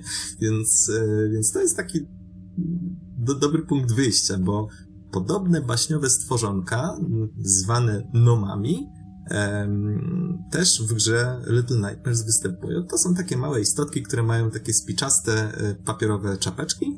E, no i wszystko byłoby świetnie, gdyby nie to, że one występują, e, zostały umiejscowione w świecie bez baśni. Na zagadkowym okręcie o nazwie Paszcza, który jest ciemny, brudny, obrzydliwy. Um, I można powiedzieć, że wszyscy jakby mieszkańcy tego świata są w pewnym stopniu zdeformowani, przesadzeni, groteskowi. Nawet do, do tego stopnia, że można powiedzieć, że styl, w którym grę ujęto, mm, to, czy też, przedstawiono, to taka jakby mroczna kreskówka. A, a sam, sam ten świat i oczywiście przestrzenie, przepastne e, pomieszczenia i hale paszczy są, e, są też pełne dosyć mrocznych tajemnic. Wyczuwam tutaj trochę braci Grimm. Nie do końca, ale, ale jest, są pewne nawiązania do dziecięcej strony widzenia świata. W każdym razie, żeby skończyć tę myśl, to te baśniowe stworki Nomy, one w tym dosyć brutalnym, makabrycznym świecie funkcjonują nie jako pożyteczne duszki domu, tylko bardziej jak szczury co jest dosyć ciekawym zabiegiem. E, w każdym razie mm, główną bohaterką, no, w którą będziemy się wcielać, jest malutka Six. Ona jest niewiele większa od Noma, więc właściwie cały świat, e, cały świat e, obserwujemy mniej więcej z perspektywy żabi. Bardzo jest charakterystyczny żółty płaszczyk przeciwdeszczowy naszej bohaterki. Ona jest dręczona koszmarami. Oczywiście znajduje się w tej paszczy, w tym dziwnym okręcie i ukrywa się w walizce na dolnych, ciemnych pokładach okrętu. Więc jest tak mała, że może się zmieścić w tej walizce. Co jest, nawiasem mówiąc, dosyć, dosyć ciekawym zabiegiem. No i naturalnie wcielamy się w nią po to, by z tego okrętu uciec. Tyle wiemy na samym początku i właściwie historia, która opowiadana, opowiadana jest w grze, jest nam przedstawiana bez słów. Czyli my po prostu, e, my po prostu widzimy pewne rzeczy, jesteśmy świadkami pewnych zdarzeń, no, eksplorujemy paszcze, widzimy jak, jak konkretne pomieszczenia, ich wyposażenie, co może się w nich zdarzyć, co się w nich zdarzyło i twórcy dają nam w ten sposób pewne podpowiedzi, ale złożyć tę historię trzeba już e, samodzielnie. E, natomiast e, co mogę jeszcze powiedzieć na temat całej otoczki, całej tematyki gry, bez oczywiście unikania niepotrzebnych szczegółów, to to, że Um, w grze bardzo często pojawia się motyw głodu, jedzenia jako czynności, obżarstwa, a poza tym naturalnie gotowania, przyrządzania e, różnych dań, potraw wykwintnych lub mniej. Um, tak patrzę, jest... patrzę sobie, przepraszam, że ci przerwę na gameplay i akurat jak o tym mówisz, to widzę tutaj jakąś taką, nawet nie jestem pewien, czy to jest pani kucharka, czy może jakiś kucharz, taka zniekształcona postać kucharza z ostrym nożem i akurat bohaterka, która faktycznie wygląda jak była po prostu maluteńkim dzieckiem, takim maluteńkim, że jest się w stanie zmieścić e, pod stołkiem, przebiega tam między tymi, e, między tymi przedmiotami leżącymi na podłodze. No, wygląda to dość Nietypowo. Makabrycznie. Makabrycznie no Właśnie tak. o to chodzi, że te wszystkie motywy, które zostały przedstawione, one są podane w tym takim sosie przejaskrawionym, groteskowym, zdeformowanym, no i też co nieco makabrycznym, to nie ma co ukrywać. Natomiast e, jeszcze wracając do kwestii tego głodu, myślę, że to jest jeden z głównych tematów gry. Unikając spoilerów, ale w pewnych momentach Six staje się głodna. I to nie jest głód w stylu hmm, zjadłbym kanapkę. Tylko jest to głód zwierzęcy, którego zaspokojenie decyduje o przetrwaniu. I myślę, że to, ten motyw jest o tyle ciekawy, że mamy tutaj trochę przedstawioną być może walkę o zachowanie człowieczeństwa. Bo godności już nie ma, bo już jesteśmy na poziomie szczurów. To już, tego to już nie ma, ale chodzi chodzi o, y, o zachowanie człowieczeństwa, tego najbardziej podstawowego. Więc to jest temat y, bardzo ciekawie eksplorowany przez twórców. Zresztą warto wspomnieć, że oryginalnie gra miała się nazywać właśnie Hunger, czyli głód. E, przy czym no, można przeprowadzić mały eksperyment, wpisać e, do Google'a Hunger Game i co wyskoczy. Niestety no, no wszystkie tak. wyszukiwania są, z, e, są zdominowane przez Hunger Games, u nas znane jako Igrzyska Śmierci, więc prawdopodobnie dlatego się zdecydowano na zmianę tytułu. Przy czym e... muszę przyznać, że Little Nightmares bardziej działa na wyobraźnię. Mhm. E, w każdym razie w każdym razie wraz z zmianą tego tytułu, z tego co, e, z tego co się dowiedziałem, to, mm, to postanowiono też poszerzyć troszeczkę e, zestaw motywów, który gra e, porusza. I, no i faktycznie, Little Nightmares małe lęki, dziecięce lęki i faktycznie gra nawiązuje trochę do tego, jak świat e, widzi dziecko i e, tu też naturalnie wolę nie mówić zbyt wiele, ale, ale wystarczy, że podam trzy przykłady. Po pierwsze, ciemne przestrzenie pod łóżkiem, nie wiadomo co się tam krywa albo co się może schować, bo Six się może tam schować. Po drugie, strasznie wysoka szafa. No i po trzecie, przerażający pan kucharz. Myślę, że każdy z tych trzech przykładów dla większości z nas brzmi znajomo. brzmi troszeczkę jak, jak pewne elementy dzieciństwa, które gdzieś tam może z tyłu głowy, może pokątnie, ale, ale możemy się z nimi utożsamić. A przynajmniej ja tak, ja tak myślę, że, że coś tam chyba mo można by takiego znaleźć nawet u siebie albo podobnego. Zdecydowanie, Więc... jak ktoś się bał ciemności, to no, widzę, że gra jest dość ciemna faktycznie. Jest ciemna, ale mamy e, zapalniczkę, więc, więc nie takie straszne są. No, Marna to pociecha. Razie, w każdym razie e, na, na tym porzucę już może opisywanie tego, um, jak ten świat jest i fabuła jego jest przedstawiana. Um, a przejdźmy do tego, jak w paszczy się poruszamy. No, tak jak powiedzieliśmy wcześniej, jest to platformówka 3D, w której chodzimy, biegamy, skaczemy, wspinamy się, przesuwamy, przenosimy przedmioty, więc to są jakby te takie najbardziej podstawowe, najbardziej intuicyjne funkcje, które można sobie wyobrazić. I faktycznie one są e, bardzo intuicyjne, nawet przypomniałem sobie ostatnio grę, uruchomiłem, nie widziałem żadnych tutoriali, po prostu skakujemy do gry, wiemy gdzie się poruszamy, gdzie tam biec, gdzie skakać, to wszystko jest zupełnie intuicyjne. Natomiast postać bardzo dobrze reaguje na, na input, wykonując przy tym oczywiście bardzo ładne, płynne animacje. A oprócz postaci reaguje także środowisko.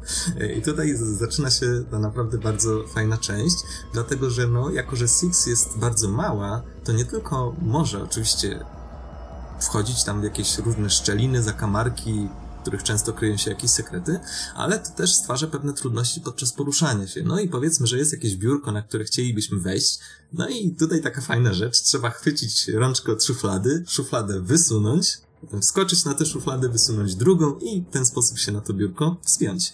E, innym razem, żeby dosięgnąć klamki, podsuwamy sobie krzesło, albo gdzieś tam skaczemy po półkach, e, które są umiejscowione gdzieś wysoko na ścianie. Więc to naprawdę mm, bardzo fajnie to wszystko wygląda i ta eksploracja, to poruszanie się po tym świecie, będąc tak niewielkim, daje bardzo dużo satysfakcji. E, a do tego w grze zawarto całkiem sporo takich drobnych detali, które decydują o tym, że, że po prostu świat mm, wydaje się trochę żywszy, trochę bardziej responsywny, czyli na przykład materac, na który możemy wskoczyć, po którym chodzimy, wygina się, tak? E, zniekształca się, kiedy po nim wchodzimy, a też znajduje się w grze szereg przedmiotów, które można potrącić, czyli na przykład jakieś butelki, dziecięce zabawki, inne tego typu rzeczy. E, no i te przedmioty też można czasem podnosić i wśród tych, wśród nich nie ma, nie ma wielkiej e, zaskoczenia, że wśród tych przedmiotów znajdują się różnego rodzaju klucze, które możemy wykorzystywać. No i z tego, co powiedziałem, pewnie wynika już, że zagadki no, są oparte głównie na środowisku i na modelu fizyki. Natomiast one są e, bardzo często intuicyjne, a nawet jeśli nie, to nie przyrywają płynności, no i ja przynajmniej nie miałem takiego poczucia, że powiedzmy, że stoję, bo, bo nie wiem, czego ode mnie e, gra chce. Wszystko było dosyć dobrze zakomunikowane. twórcy bardzo ładnie wykreowali to środowisko tak, żeby po prostu gracz mógł się w nim odnaleźć i w miarę płynnie e, to mm, doświadczenie przeżywać. E, natomiast... I, jeżeli mogę jedno mhm. pytanie zadać Tutaj a propos tego, że gra jest platformówką 3D, czy możemy się poruszać swobodnie w każdym kierunku, czy jakby postać tak, porusza się po pewnej płaszczyźnie? w głąb również. Aha, e, okej. Okay. Co można powiedzieć, że może dla bardziej niedoświadczonych graczy to może być pewna przeszkoda, bo czasem powiedzmy, nie wiem, jest jakiś mostek, który może nie jest jakoś bardzo wąski, ale no jednak można, można pójść w głąb i spaść, tak? No ale, no ale mm, that's life. Mhm, bo widzę, bo widzę, że kamera obserwuje zawsze akcję tak jakby pokazując pokój od boku. Tak. Czyli tak. Nie, nie z zapleców, tylko widzimy ten pokój tak jakby z perspektywy dorosłego i gdzieś tam na dole chodzi ta mała postać. Mhm. Ale to też zależy. To o, o, kadrach też pewnie chwilkę powiem, bo to też jest fantastyczna rzecz. E, w każdym razie tutaj właśnie powiedziałem o tych, e, tych wszystkich um, zagadkach opartych na modelu fizyki i na środowisku, ale naturalnie Six nie jest paszczy sama. Um, no i wspomnieliśmy już o kucharzu i na nim się tylko zatrzymamy, dlatego że myślę, że większość z tych rzeczy warto odkryć po prostu samemu. Dlatego ja po prostu postaram się wyłuskać pewne takie najbardziej charakterystyczne, najfajniejsze elementy, które które gdzieś tam jakieś przykłady, które można zobaczyć, a resztę już będzie można e, odkryć e, samodzielnie. E, no i wyobraźmy sobie mm, właśnie tę sytuację, że mamy kuchnię, tak? Pan kucharz przyrządza sobie potrawę, a naturalnie w kuchni są też rozmaite zakamarki, które dla nas już automatycznie są pewną wskazówką, gdzie się poruszać. W tego typu grach, gdzie sztuczna inteligencja kontroluje takiego przeciwnika, bardzo często mamy do czynienia z takim pewnym cyklem czynności, czyli na przykład pan kucharz, no najpierw podejście, podejdzie do makabrycznej, e, wybałuszonej ryby, którą tam musi pociąć, potem przejdzie na drugi koniec pomieszczenia, żeby, nie wiem, dorzucić marchewkę do, do garnka, do gotującej się zupy, a potem jeszcze zrobi coś innego trzeciego.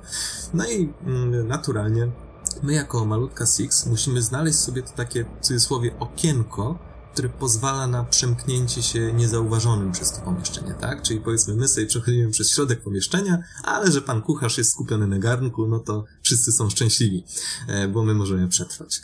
E, natomiast e, twórcy, czy to w przypływie złośliwości, czy to w przypływie geniuszu, zdecydowali, że taki statyczny cykl jest trochę zbyt nudny. I bardzo często zdarza się, że kiedy my właśnie już mamy to swoje okienko, jesteśmy na środku pomieszczenia, już zaraz przejdziemy gdzie chcemy, to nagle ten cykl zmienia się. I powiedzmy, pan kucharz nagle sobie przypomina, że trzeba dosolić zupę i idzie w naszym kierunku, a my mamy bardzo mało czasu, żeby zaimprowizować coś.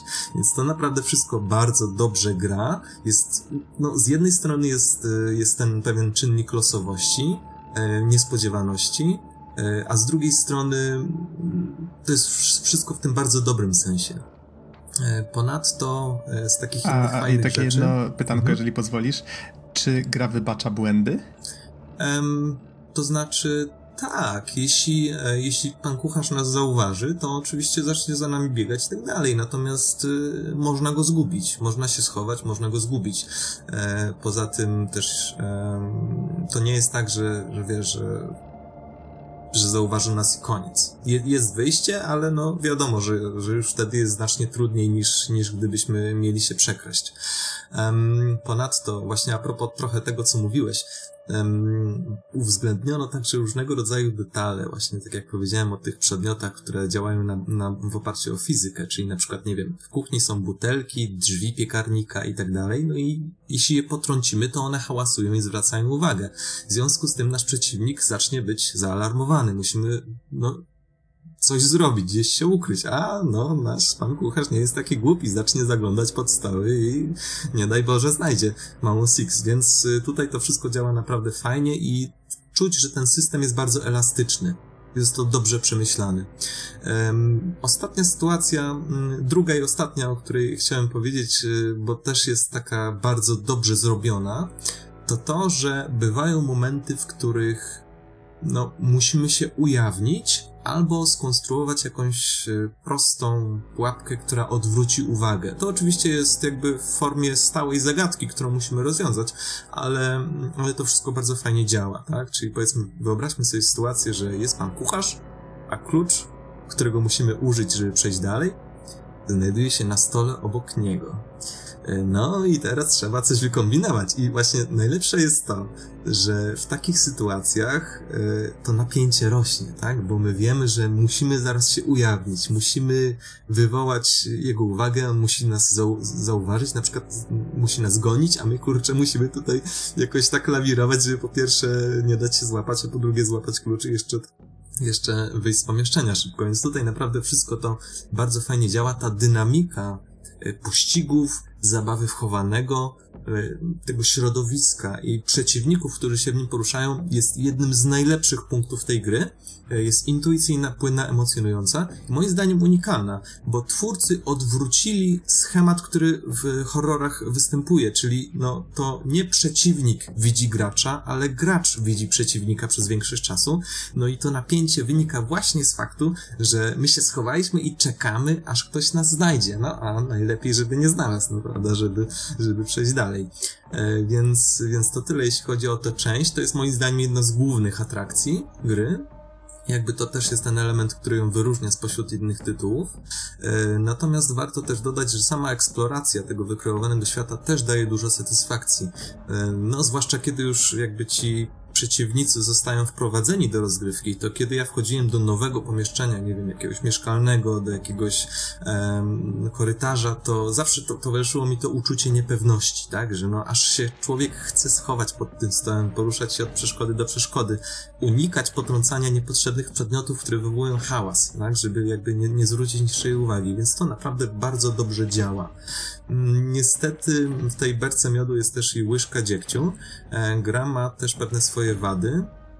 Um, jedną z nich są, wydaje mi się, trochę zbyt długie ekrany ładowania. Czasem zdarza się, że nie, nie jesteśmy w jednej lokacji, e, przejdziemy kilka metrów, no i powiedzmy, że zginęliśmy, a ekran ładowania zamiast trwać powiedzmy sekundę, bo to jest tylko dla gracza to, to co jest widoczne, to przesunięcie postaci i powiedzmy tam przywrócenie punktów zdrowia, to powiedzmy trwa kilkanaście sekund, tak? Ja nie mierzyłem tego, więc nie, nie mogę teraz dokładnie powiedzieć, ale odczucie jest, że trochę za długo to trwa, e, no i faktycznie to można by trochę, e, można by trochę to poprawić. Kolejną rzeczą, która budzi moje wątpliwości, to trochę niekonsekwentne checkpointy, bo co prawda one są automatyczne w konkretnych miejscach lokacji, to jakby nie ma żadnych wątpliwości, ale są też takie lampy, które można zapalić za pomocą zapalniczki. I w momencie, kiedy zginiemy, to z tego co pamiętam, chyba się odradzaliśmy przy lampach, ale kiedy w pewnym momencie skończyłem grę i wyłączyłem ją i włączyłem potem, nie wiem, dwa dni później, chcąc wznowić rozgrywkę, to nie, nie zacząłem jej od tej lampy, którą aktywowałem, tylko od początku sekcji. Więc to było takie trochę niejasne dla mnie, tak? W sensie, no jeśli mamy checkpoint, to warto byłoby, żeby on był po prostu checkpointem. Um.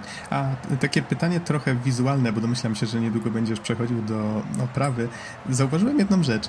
Mianowicie kamera zachowuje się faktycznie tak, jakbyśmy na statku. Czy to w grze też jest tak, że wszystko się tak buja? A, tak, tak, to ja to do tego zaraz dojdę dosłownie. Do tego okay. zaraz dojdę, to jest bardzo fajny detal. E, nawet niektóre przedmioty się przemieszczają, ale to może nie będę, e, nie będę wyprzedzać faktów, bo jest jeszcze jedna ważna rzecz, o której chciałbym wspomnieć. Otóż e, gra trwa 5-6 godzin, tak mniej więcej około. I kurczę, no jest naprawdę bardzo dobra, ale mm, zostawia takie uczucie niedosytu z jednej strony w pozytywnym, a z drugiej strony negatywnym sensie. Pozytywnym, bo wykreowany świat jest naprawdę bardzo fajny, e, jest ciekawy i chciałoby się zobaczyć tego więcej, a negatywnym, dlatego że ja miałem takie poczucie, że czegoś w środku gry, gry brakuje. Ona jest podzielona na rozdziały. Nie będę mówić ile ich jest, bo jakby to nie ma po co jakby psuć komuś, e, kto by chciał spróbować jakby radości odkrywania, ile tego jest jeszcze, ale mam wrażenie, że jednego rozdziału w środku gry po prostu brakuje. Jest za mało i takie poczucie miałem, e, miałem po zakończeniu rozgrywki, tak? To znaczy, że nie wiem, wszystko było świetnie, tak? Rozpoczęcie akcji, wprowadzenie kolejnych elementów, e, dążenie do konkluzji, finał i tak dalej, wszystko pięknie, ale w środku czegoś mi brakowało. I dopiero po czasie się dowiedziałem, że faktycznie jeszcze jeden rozdział oryginalnie w grze miał być, z jeszcze jedną postacią, ale ostatecznie nie wszedł do gry i niestety moim zdaniem to jest dosyć mocno odczuwalne. To jest coś, co prawdę powiedziawszy trochę mi nie dawało spokoju. Kurczę, no trochę można by jeszcze coś dodać. Mhm. A czy nie nadrobili tego na przykład w DLC, bo gra miała chyba dodatki, tak? E, tak, są trzy DLC, ale to jest odrębna historia, więc um, równoległa, ale odrębna. Więc um, ja ich nie próbowałem, ale mam nadzieję, je nadrobić w pewnym momencie. Natomiast, y, natomiast no, faktu, że w tej głównej kampanii brakuje czegoś w środku, już niestety DLC nie poprawi z nową fabułą. Choćby mm -hmm. nie wiem, jak dobra by była. Może tylko zaspokoić ten niedosyt wynikający z tego, że no, chciałby się zobaczyć więcej. Czyli po ukończeniu gry faktycznie sam zacząłeś odczuwać głód. Hmm. Ta. Zjadłem kanapkę i pomogło. E, w każdym razie, w każdym razie, e, jeśli chodzi o wizualia i grafikę, to przede wszystkim chciałem podkreślić, że kadry, w jakich widzimy środowisko, e, no, są fajnie pomyślane. No, one często podkreślają ogrom, e, jeśli jesteśmy w jakiejś wielkiej hali, to ogrom tych stalowych konstrukcji, jakichś tam wielkich przedmiotów, no i oczywiście maleńkość naszej głównej bohaterki. Na przykład wspinamy się po drabinie, a nagle kamera oddala się, pokazuje wielką ciemną halę, jakieś gigantyczne łańcuchy. No to naprawdę bardzo dobrze działa. To samo też występuje, gdy eksplorujemy mieszkalną czy tę użytkową część okrętu. Nagle, nie wiem, wspinamy się na przesadnie wielką szafę, a kam kamera przesuwa się pod sufit i kieruje e, ku dołowi delikatnie, więc mamy poczucie, że jesteśmy gdzieś naprawdę bardzo wysoko. Poza tym styl graficzny jest bardzo efektowny, co już wcześniej wyszło tutaj, wspominałem, że mamy te przedmioty groteskowe, przesadzone, na przykład, nie wiem, szafka ze zbyt dużą liczbą szuflad, e, wielko stojące zegary, czy inne tego typu elementy. I właśnie to, o czym wspomniałeś, podczas rozgrywki okręt cały czas delikatnie się kołysze, a co mniejsze przedmioty nawet się przesuwają. To jest naprawdę taki drobny detal, a bardzo, e, bardzo dobry. Tak jak już wspomniałem wcześniej i w sumie co wynikało z, z wcześniejszej części recenzji, mm, styl graficzny, który zastosowano jest bardzo efektowny. Mamy do czynienia z przesadzonymi, groteskowymi przedmiotami, które są wręcz aż tak komiksowo powyginane, na przykład szafkę ze zbyt dużą liczbą szuflad, jakieś wielkie stojące zegary, które tykają i tak dalej, i tak dalej. Więc tutaj naprawdę mm, bardzo fajnie to wszystko zostało zrobione. Um, nie wiem, czy wspomniałem już o tym, że okręt cały czas delikatnie się kołyszy podczas rozgrywki, ale chyba tak. To mogę kulisowo zdradzić, że mieliśmy małe cięcie. W związku z tym ta mała, e, ma, mała e, niedociągnięcie. Natomiast e, ważniejsze do powiedzenia jest to, e, że niestety na PS4 Pro, czyli konsoli, na której grałem, zauważalne są wahania FPS. No i oczywiście to nie jest e, usterka techniczna, która powoduje, że gra jest niegrywalna, ale niestety jest zauważalne, że powiedzmy tam w, w jakiejś scence, w której jest tam dużo się dzieje, dużo jest przedmiotów, to jest troszeczkę mniej klatek na sekundę, no i to jednak mimo wszystko nie jest dobra wiadomość, zwłaszcza, że przecież e, PS4 Pro dysponuje większą mocą obliczeniową, z tego co wiem, niż PS4 zwyczajne. E, więc no, to, to nie jest dobra wiadomość. E, ale z drugiej strony nie jest to aż tak rażące, więc no, to już jest jakby do samodzielnej decyzji, czy, mm, czy wada jest aż tak poważna. Natomiast kończąc już sprawę wizualiów, bardzo dobrze jest zaprojektowana ścieżka e, dźwiękowa. Tu mówię zarówno o utworach, które są gdzieś odtwarzane w tle, jak i dźwiękach, które wydają postaci. W tle najczęściej słyszymy różnego rodzaju dźwięki ambient, y, no nie wiem do końca jak to powiedzieć. To są takie często nawet takie ciężkie, staliczne dźwięki, które podkreślają tę e, potężną, straszną konstrukcję paszczy, ale z drugiej strony wpleciono także utwory, które nawiązują właśnie do dzieciństwa. E, to są jakieś na przykład takie proste melodyjki e, na, na pozytywce, na cymbałkach, czy też nucące głosy dzieci, które się pojawiają. No i to potrafi być takie dosyć niepokojące w pewnych momentach, kiedy, e, kiedy właśnie dzieje się powiedzmy coś nieprzyjemnego i taka muzyka jest odtwarzana. Więc, więc tutaj. Mm, a takie jedno Jedno pytanie mi się nasunęło, bo w sumie teraz tak sobie pomyślałem, że to w sumie takie motywy są straszne przede wszystkim dla dorosłych chyba, co jest dość intrygujące, ale właśnie do jakiej grupy wiekowej kierowany jest Little Nightmares? Bo z tego co widziałem, to jest no, chyba PEGI 16. to jest survival tak? horror, więc na pewno nie dla dziesięciolatka, że tak powiem. E, więc no... tak, ale pomyślałem, że to, to ciekawy to są, temat, żeby go poruszyć. klimaty, no tak jak powiedziałem, wstępnie można to określić jako Limbo czy Inside, chociaż tylko wstępnie, tak? Bo, bo gra tworzy swój własny, dziwny świat. E, znaczy ja nie mam wątpliwości, że to jest dla osób dorosłych e, gra skierowana. Um, choćby ze względu na to, że jest dosyć makabryczna i, i nawet może nie ze względu na tę mm, swoją część jakąś tam krwawą, tylko może ze względu na pewne koncepty, koncepty do których się odwołuje. Um, więc no tak to wygląda.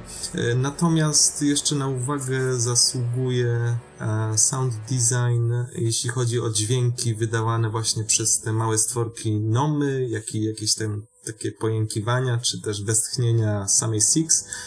Te wszystkie małe istotki, one, no, mają bardzo cienkie głosiki. Te nomy to brzmią dosłownie jak takie małe myszki albo szczurki, co właśnie dlatego tak podkreśliłem to, że no, one funkcjonują właśnie jak, jak szczury w tym świecie, co no, tak, zdecydowanie to nie jest dla dzieci. E, natomiast właśnie ten, ten, e, to w jaki sposób Albion zostało zaprojektowane jest bardzo dobry. Jest po prostu bardzo dobry. To mo może na tyle skończę, bo pewnie zacznę się powtarzać. I to będzie tyle, jeśli chodzi o część dotyczącą samej gry. Ja za chwilę przejdę do podsumowania, ale myślę, że jeszcze przez chwilę e, kilku słów e, warte jest wspomnienia sama figurka, która została dołączona do edycji kolekcjonerskiej. Więc jeśli masz jakieś pytania dotyczące samej gry, no to fal śmiało, postaram się odpowiedzieć, a jeśli nie, przejdę już do samej figurki. To może zastanowię się jeszcze do podsumowania. Mhm. Dobrze, to jeśli chodzi o, mm, o figurkę, to ma ona 10 cm wysokości i, no i oczywiście przedstawia ona tytułową bohaterkę. Um, Czy w skali 1 do 1? Ach, nie, nie, zdecydowanie nie. Myślę, że Six jest większa. Na figu figurkę jakby przedstawiona jest tak, że Six stoi z wyciągniętą ręką, w której trzyma zapalniczkę. No i muszę powiedzieć, że ten jakby zabieg e, z 10-centymetrową figurką jest dosyć ciekawy, bo mm, koszt tej kolekcjonerskiej nie jest duży. On waha się obecnie, e, sprawdzałem w dniu nagrywania, czyli dzisiaj. cenę kolekcjonerki, która w zależności od platformy waha się między 160 na PC i 200 złotymi na e, PS4 zdaje się, więc to nie jest dużo. Zwłaszcza, że jakby pełne tytuły na PS4 kosztują nawet 250. Natomiast to jest też dobry myk z tą wielkością figurki, no przecież gracze stwierdzają zgodnie, no mała Six nie może być wielką figurką, to musi być mała figurka, więc wszystko się zgadza. Nie ma, nie ma żadnej imersji zaburzonej. E, w każdym razie um, figurka wygląda niemal dokładnie jak postać w grze, natomiast bardzo duże wrażenie zrobił na mnie fakt, że został jakbyś tam zabrudzenie płaszcza, zwłaszcza kaptura tych wszystkich elementów z przodu, zostały bardzo ładnie oddane.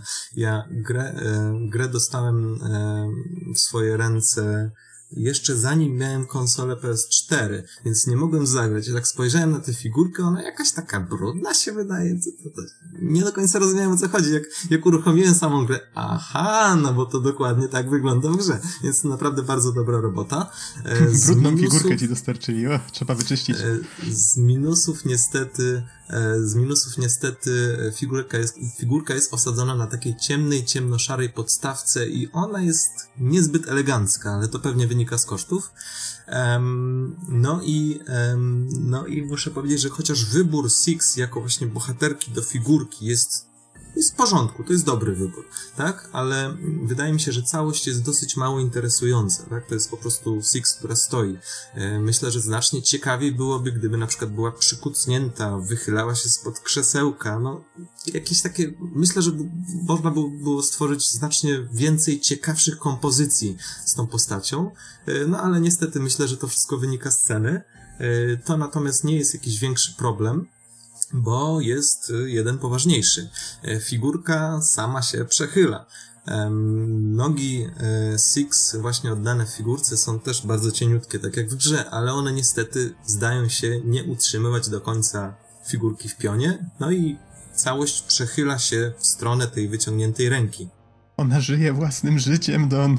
To jest niestety problem dosyć ważny, bo oko po około roku stania na, na brzegu półki się po prostu przewróciła i spadła, na szczęście na kanapę, ale mimo wszystko, Chciała... mimo wszystko jest to Chciała jest uciec. To, tak powiem, jest tak powiem, e, jest tak powiem e, wada dosyć wielka. E, ja to rozwiązałem po prostu, po prostu wycinając z czarnej, sztywnej etykietki taki pasek, za pomocą którego który wsadziłem między podstawkę a dolną część płaszcza, dzięki temu po prostu stoi prosto i na zdjęciach, które y, umieściliśmy też właśnie stoi prosto, tym razem bez podpórki, bo po prostu już się tak wyprostowała, ale jednak mimo wszystko wydaje się, że tu, chodzi o jakość wykonania i, i, figurka no sama się przychyla, sama się zniekształca i jest to dosyć duża wada. Ja sobie zdaję sprawę, że to, że można sobie ją czymś podeprzeć czy nie, to wcale nie jest rozwiązanie. Więc no, niska cena, niska, niską ceną, ale jednak to jest troszeczkę, e, to jest trochę w topa. Miło, mieć, jest, miło jest mieć tę figurkę na półce, jest to fajna figurka, cieszę się, że ją mam, ale no, sam pewnie, sam pewnie byś był trochę rozczarowany, gdybyś odkrył taką rzecz, a z tego co widziałem w internecie, poczytałem trochę, to ludzie też mają właśnie, e, nabywcy tych, tych figurek też mają podobne problemy. Mhm, Więc okay. jest, jest, jest miła, jest fajna, trochę niskobudżetowa, ale no właśnie, ta wada, ta mhm. wada. No tak, roz, rozumiem o co chodzi. Dobrze, Don, to w takim razie ja już więcej pytań nie mam. Fajnie, że właśnie o tej figurce opowiadasz, bo ten masz, masz ją akurat na półce. To zawsze jest y, ciekawie posłuchać właśnie na ten temat, tak jak w, przypadku było Kingdom Come Deliverance. A i wcześniej chyba e, powiedziałem parę słów o Blaskowiczu o Blaskowiczu tak, i tak. o Trico z Shadow of the Colossus. To się robi taka trochę moja mała tradycja. Właśnie tak. Jeśli starczy mi figurek, to obiecuję, że będę starał się je może nie recenzować trochę za duże słowa, ale na pewno parę słów o nich powiedzieć. Mhm. Okej, okay. to chyba pora na podsumowanie. Tak, e, no i cóż, Little Nightmares, tak jak powiedziałem, to jest taka niewielka, ale myślę, że dosyć unikalna gra. E, stworzono twórcy Starsier Studios, czy Tarsier Studios. E, naprawdę udało im się wykreować dosyć unikalny świat i poruszyć dosyć ciekawe, nietypowe dla gier cyfrowych tematy. Więc myślę, że ta mała, niezależna gra jest y, czymś naprawdę unikalnym. Myślę, że warto się nią zainteresować, warto ją poznać. Naturalnie są te pewne wady, o których wspomniałem, ale myślę, że y, one nie powinny przysłonić y, wrażenia bardzo pozytywnego, które naturalnie wynika z, z jej ukończenia. Więc myślę, że mogę ją z czystym sumieniem polecić.